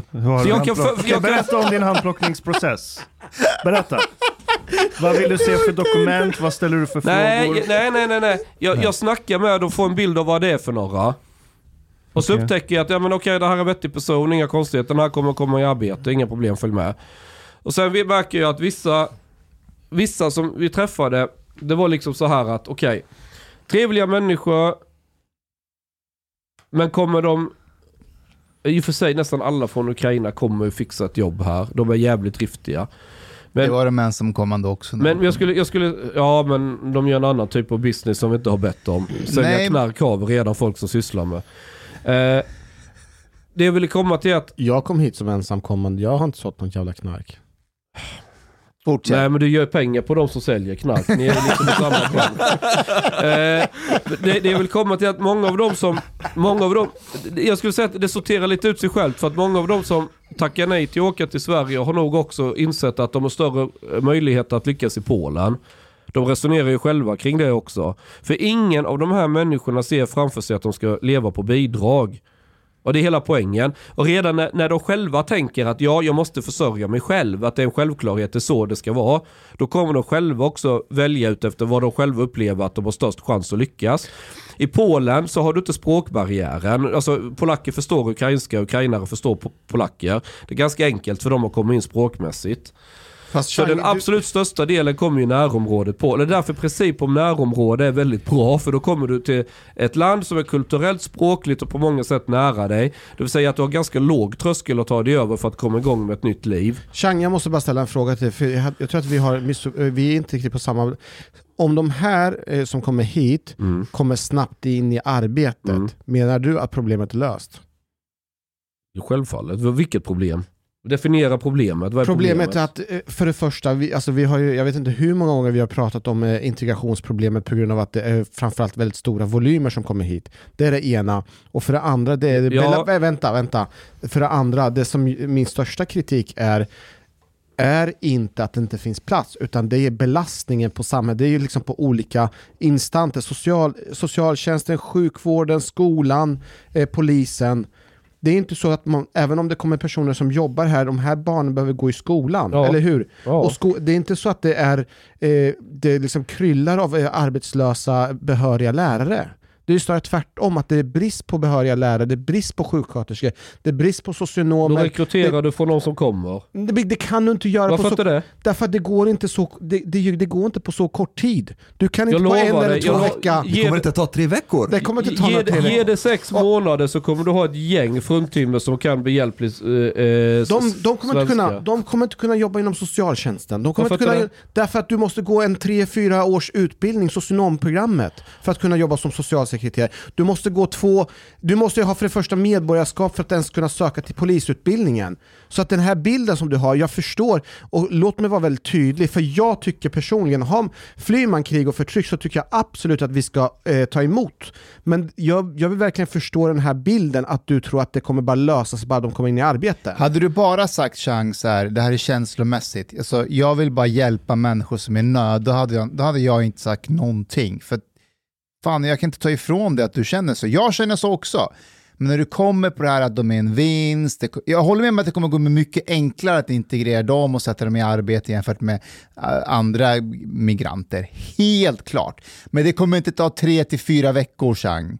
Det här kommer ta tid. Al- also, like even even the thing is, I'm I'm also for taking Ukrainian refugees, yeah, but not necessarily in Sweden. Like if Sweden was the border country, and I would definitely say we cannot close the Så door här to these Omar, people. Omar, Omar. Well, yes, but there are other countries that they can go to. We took like so many immigrants. Omar. It's it's also good for them to go to other countries that are not as like what? Vet du hur snygga ukrainskor är? Jag Fatt, fattar, du, fattar du vilka brudar som är på väg hit? Det är så batikhäxorna sa till varandra. Ja, men Om pojkar, jag- unga pojkarna. Nu, nu kommer jag med ett argument för att övertyga Omar. Okej? Okej? Okay, Ja. I'm listening. Ja, continue. bra, just det, det funkar. Kommer inte det här korrigera överskottet av män då? Ja, Not not if the unless unless Förutsatt their de husbands gillar come. Ja, jag ska, jag ska ge Because their husbands are over there. okej, jag, jag ska ge ett annat argument. Jag ska ge ett annat argument. Kommer inte det här bli inbördeskrig Nej, när jag- jag ska- afghanerna har tagit det? Okej, jag, jag Först ska, så tar afghanerna kvinnorna och sen så kommer ukrainska männen, det blir inbördeskrig här. Jag ska ge det bästa argumentet från min sida varför jag vill ha hit så jävla mycket folk jag bara kan trycka Sen har jag in ett från Ukraina. motargument du inte ens tänkt på Ja, än. men kör kom. inte att men de kommer inte rösta på vänster eller Det är att Socialdemokraterna. uh, uh, uh, från Ukraina kommer de ta med sig värderingar som jag mer än någonsin vill se mer av i Sverige. Traditionella mamma, pappa, barn, vi tar hand om varandra, som Sverige var på 70-talet. Det är de värderingarna framförallt som du kan tänka dig att folk från Ukraina Nu har. känner jag igen SD Yes. Igen. Den här nostalgiska Men, eh, folkhemsvärderingarna. Ja, men det blir, alltså det här är människor som eh, liksom trygga med sig själva, de är inte kaosiga, de är hjälpsamma, schyssta, bra. Med, liksom, och det, det, det, det inte, de, de flummar inte. Fast de här traditionella värderingarna har väl afghaner också? Att man ska bry sig om familjen? Mm, inte på samma sätt. Inte? Va- va- vad säger du så för? De bryr sig om sin familj. Om sin är- familj, men inte den här europeiska vita familjen. Men de har väl också alltså, jag- traditionell jag, syn på... jag har, alltså, jag, Nu låter detta jätteklyschigt men det, för mig är det inte så mycket fråga om hudfärg. Det är liksom inte det jag går efter. Jag orkar inte. Okej, okej. No, but actually, I believe him. Like the thing is, Chang, Chang likes like this like Eastern European traditional values. He likes Ja, det gör han. Ah. Ja men det, det här, alltså, bortsett från de korrupta jävla idiotregimerna så, så är det, det är folk som... Det, det är en, Men Chang, jag hörde att eh, i Ukraina på, är det jättestor korruption och att det är väldigt mycket organiserad brottslighet. ja det är det. Och vad är det som säger att den korruptionen, den mentaliteten inte kommer till Sverige? Den har vi redan i Sverige. Ja, men vad är det som säger att inte det blir mer av att det, i och med att det är så pass hög just i Ukraina? Ja, men rösta på något annat till sossarna om de har problem med Men det. Vad okej. fan. Nej, Vänta. Allt, allt det här vi har snackat om nu, säg att du har rätt. Ja. Att det tar tre veckor, jag ger dig Okej då, benefit då. doubt. Jag, jag kanske överdrev lite grann. säg, säg, säg två år. Säg två år. Låt oss vara... Ja, två år är lång tid. Okej, men säg två år. Ja, det är lång tid Okej. för den här gruppen. Det är väldigt lång 200 tid. 000 pers kommer hit och Ja. på två år kommer de bli en vinst. Det, det är Ja. många högutbildade, det kommer Ja. vara fine. Men allt det här förutsätter att Sverige kommer rulla på så som det har gjort senaste 30 åren. En sak vi inte har tänkt på det är att Sverige har inte haft en lågkonjunktur sedan 1992. Det är jävligt... Det är bullshit. 2008 hade vi en lågkonjunktur. Ah, inte i paritet med vad resten av Sverige det är gick vi inte. igenom. Vi klarar oss Vi har inte bra haft en faktiskt. ordentlig lågkonjunktur sedan 1992. Ja. Vi har inte haft tänket eh, bland folk att man måste ha buffertar, besparingar. Sen 92 har Sverige haft det hyfsat okej ekonomiskt. Mm. Det är ett. Inflation på runt 37 procent sedan 1999. Det är en absurd, absurd inflation för ett lågräntesamhälle som vi varit så länge. Tre, statsskulden har börjat bunkras på nu i och med corona och alla statliga stöd som har åkt ut. Fyra, Sverige är en av de mest högst belånade länderna när det gäller privatpersoner. ja, det är det. Så det räcker med att räntan går upp lite till än vad den redan har gjort. För att folk ska inte kunna betala sina bostadslån Mm. och så har vi en totalkraschad bostadsbubbla. Där Sverige kommer få betala priset för att ha levt som ett de- dekadent, Mm. skyddat samhälle Mm. sedan 1992. Mm. Lika gott åt dem. Hur ska 200 000 ukrainare klara sig i det sortens Okej, Sverige? nu, nu, nu, nu backar vi. Zoomar vi ut två steg. Vad händer när vi får en jättestor lågkonjunktur? Folk måste sänka sin levnadsstandard ett eller två snäpp. För att nå en ny balans så att säga. Där ekonomin går ihop. Är du med på vad jag menar? Det är det som händer när, Mm. när vi får en ekonomisk recession. Folk att blir fattiga ja. Folk blir lite fattigare, du får anpassa dig helt enkelt. Men även om vi backar ett eller två steg, vi backar kanske säg tio år i vår, i vår levnadsstandard, eh, för att eh, ekonomin inte, så har vi fortfarande en bättre levnadsstandard än vad de från Ukraina är vana vid. För dem kommer det inte vara, vara något problem. Det är för, för det är för den bortskämda jävla instagrammande äckliga Södermalmsfittungevänstern som kommer få ett jävla problem. För åh nej, de har inte råd att fika ute och leka och köpa kläder på NK och Lajvan Ramberg eller vad de håller på med med pärlhalsbandet. Jag skiter ett stort stycke, då må de brinna i helvetet. Jag håller med om att även om vi backar 10 år i levnadsstandard så Mm. har vi fortfarande en hög levnadsstandard. Hur ska vi kunna expandera och bygga ut samhället för att kunna husera ytterligare 200 000 pers? Med vilka bostäder pengar ska då? de bo i? Vilka pengar, bostäder de ska de kommer jobba själva för att fixa det. Hur ska de jobba i en ekonomi som är totaltankad för att du kommer få en bostadsbubbla som spricker? Ja men de- den, den varbölden får spricka för sig själv. Bland, låt inte det, blanda inte in ukrainarna i det. De för kommer de, ju drabbas av det. Nej, de kommer gynnas av det. För vad händer med bostadspriserna när den här varbölden spricker? Vad hände på 90-talet? Du, du köpte, de kastade en lägenhet efter dig för noll och ingenting. Det är ju guldläge för ukrainarna att köpa bostäder. Så, Så kan, det är en investering. att så, kan, så hit. kan de efterblivna Södermalmsäcklarna, de kan få och, och let, vad heter det, plocka skräp i dikena eller vad de kan göra, det passar dem. Och så kan vettigt ukrainskt folk flytta in istället. Jag måste säga att Så han har my- tänkt igenom det här. Nej, nej, det har han inte gjort. Det har han inte gjort. Alltså, kom- arbetslösheten kommer ju öka. Ja, för de som inte vill jobba ja. Have you, have Men you, det kommer inte finnas lika mycket jobb. Ja men du, du tror, jobb är inte någon magisk grej att någon idiot i regeringen trycker på en knapp och vrider på ett reglage och så plötsligt finns det mer jobb. jobb offentlig folk, sektor. folk sysselsätter sig själva, de har drömmar, ambitioner. Ja, jag, vill, Vi pratar om offentlig sektor. jag Offentlig... skiter i offentlig sektor, den brinna i helvetet. jag vill inte ha en offentlig Here, here. sektor. Uh, uh, okay, here. One thing that Shang is trying to do, he's trying to do a brown genocide. You know what a ge- white genocide is? Basically, to, to try to replace the population of white people by darker people. He's trying to like reverse this. he's trying to import as many white people as possible in order for the brown people to get out of the country. Just återigen, det är inte hudfärg jag kopplar detta till. Men det kommer bli så. This is what you, we talk about cultures, okay? This, it happens to be this culture is white and the other culture is brown. Jag, jag, jag färgsätter inte kulturer, det är inte så jag värderar dem. Uh, alltså vi har ju wiggers i Sverige till exempel.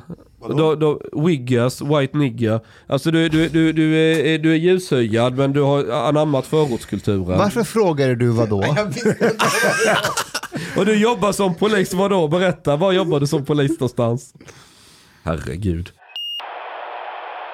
Har ni sett eh, Schulman?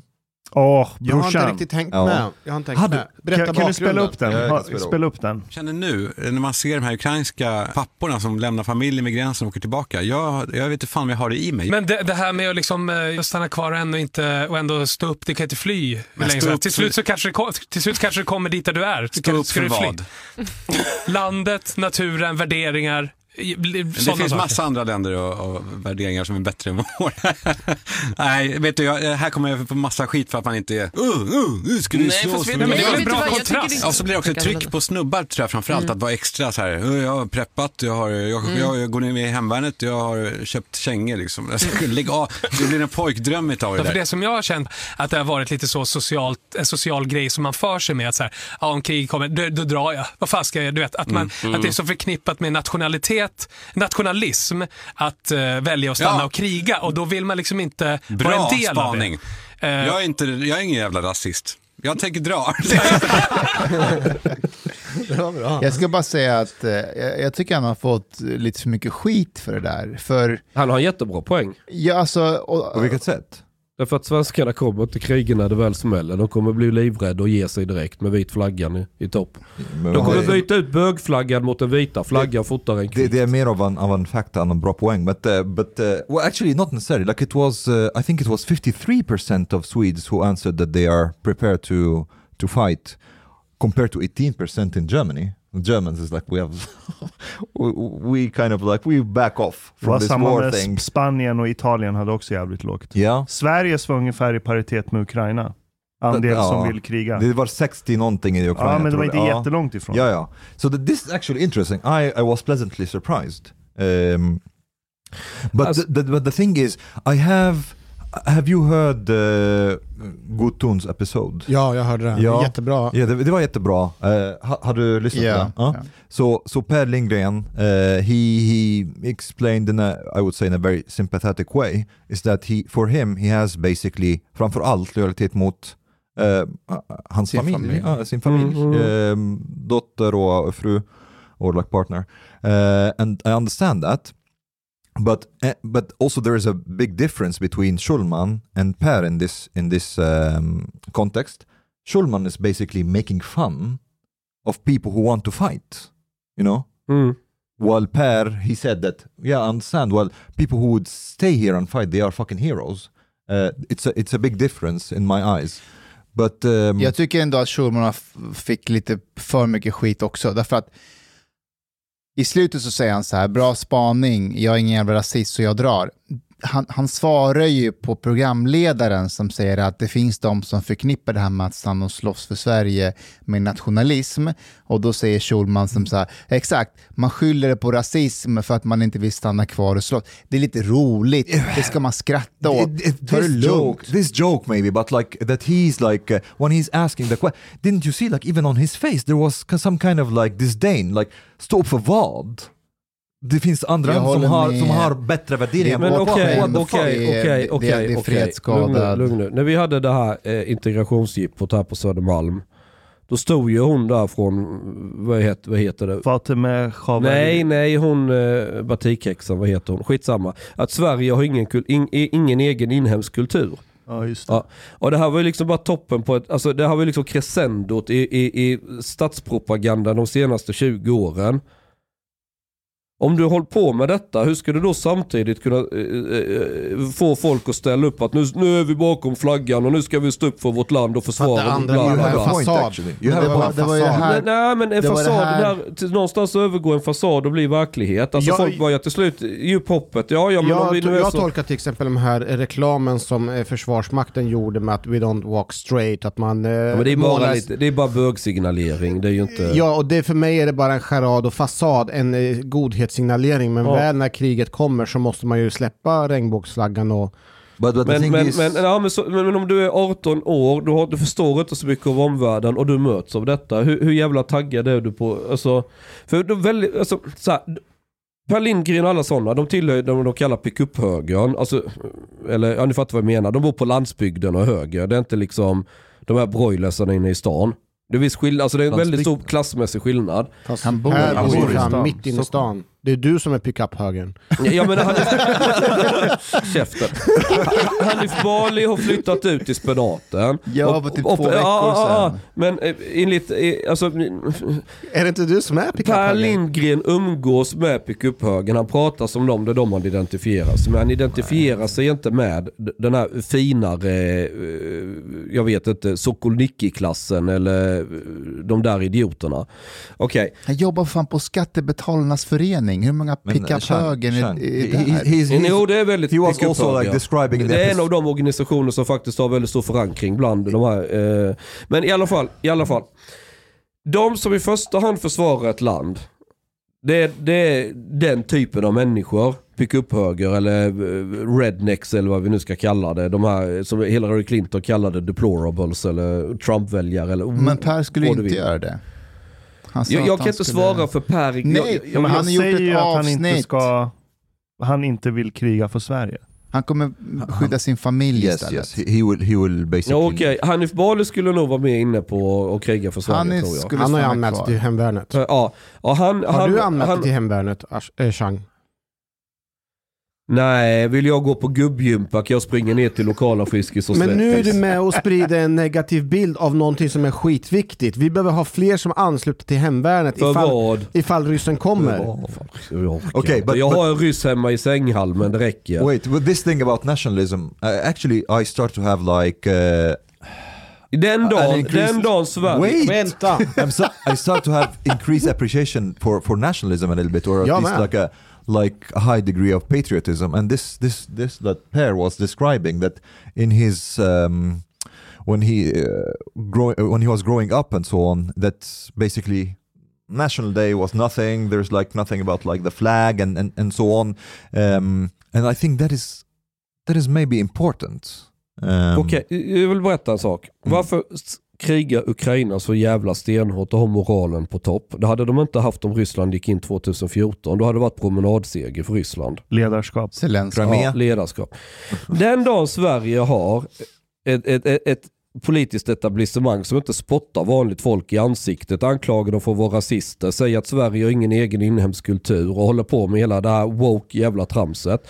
Kommer jag säkert vara i första ledet i en Leopard 2 och skjuta vilken jävel det är som kommer över bron. Men då har vi ett ett, sånt ledarskap vi har idag som är totalt demoraliserande. Jag är fan inte intresserad. Jag är team Schulman i sådana fall. Nej, du är But- efterbliven. but Ditt resonemang är That's efterblivet. that's a very good. That, that's um, it's good that you brought up that because there are people on the right who are making this argument, which I which I think actually is a Men varför bullshit ska jag argument. offra mitt liv? Varför ska jag offra mitt your liv för Ann Ramberg so- och hennes Det är pärlhalsband? inte det, för det är för de värderingar vi har i det här fucking landet som de Vilka kunde ta bort. värderingar? Är Som vi fick Värderingarna speglas väl i vilka idioter vi sätter i riksdag och regering? Man, what the fuck? Is she the people? What, will you? You will fight ja men det är, det är vår styrande elit. Är det för är Wolodarskis arsle jag ska offra eliten, mitt är liv? eliten folket nu? Va? Är eliten folket nu? Nej men eliten speglar ju, alltså folket, vi är väl en demokrati. Det är väl där Så vi har länge folk- att det är där det gör. Eliten speglar ju inte folket. Nej. Nu pratar Det- vi om det- Ryssland eller Sverige. Sverige.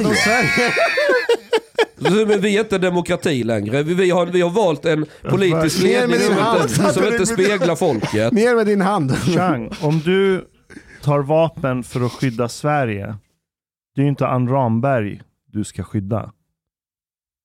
Vem är det jag skyddar då? Det är vanliga medborgare som bor i det här landet som inte är woke och som inte har byggt upp den här fasaden som du är så kritisk mot. Det vet ju du själv. Jag kommer inte All ha, woke bullshit jag, jag kommer ha representerar inte hela svenska jävla folket. stridsmoral om jag har någon jävla ÖB som springer med bögflaggan och pratar om att Sverige har ingen egen inhemsk kultur eller vad fan Det- det pratar om roligt. från det hållet. Okej, Per- jag, jag säger inte att. ÖB har sagt det men, men när våra, om våra institutioner pissar folk i ansiktet då anser jag att nej, då ska, då ska vi byta institution innan vi krigar för det här landet.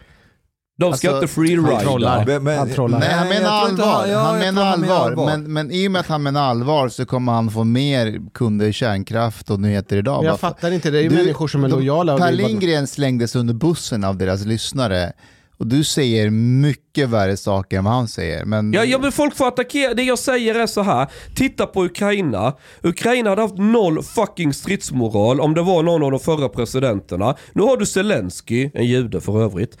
Uh, han, han är själv, alltså han är genialisk. Han vägrar lämna eh, Kiev. Han vägrar lämna landet. Han är, han är själv liksom med gubbarna och möter dem ute vid fronten och hela jävla köret. En ledare som, nu ska vi fan försvara det här landet. Nej, du, har, du måste ha en, alltså så funkar det i krig. Du kan inte ha en jävla batikhäxa att styra Sverige eller, eller, eller en, ett etablissemang som säger att ja, men vi har ingen egen kultur, vad har vi att- komma Finns med det här i någon person i Sverige som skulle kunna ta den ledarrollen?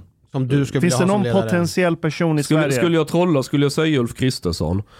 Men det var ju ett uppenbart skämt. Ja, men Chang, re- skulle du reverse säga? the situation. Why, why would a leadership defend måste- people who want to, to flee? If, if everyone, if everyone would be like you, jag drar. Why would the Det leadership måste want ju to... finnas ett underlag för att en potentiell ledare ska växa fram och ta ledarskapspositionen. Om, om det börjar med att alla ser det finns ingen ledarskap så I'm fucking out Nej here. men det är väl klart Då alltså, har du inte ens lagt grunden Alltså för jag, en jag skiter, potentiell det, det, skulle, det skulle kunna vara Nooshi Dadgostar som skulle kunna vara ledaren och jag hade ställt mig bakom. Bara det är den här idiotresonemanget att som vi har haft den här PK-indoktrineringen där man pissar på, för de man pissar på idag man ser ner på "Hö, arbetslösa unga män från landet bla bla bla. Det är de som kommer vara kanonmat i första fronten. Håller du på att jävlas med de här epatraktorkillarna och folk på lands, vilket man har gjort nu, gjort karriär på i 25 år. Hur fan ska du förvänta dig att de är lojala och försvarar ett land? Om, du- om, om ett land sviker de här människorna, då kommer de svika tillbaka. Ja, jag förstår den kritiken. Jag fattar den delen av kritiken. Min uppfattning det är väl att de här epa-traktor eh, tonåringarna är ändå lojal, är i grunden mer lojala mot landet med, än mot ledningen.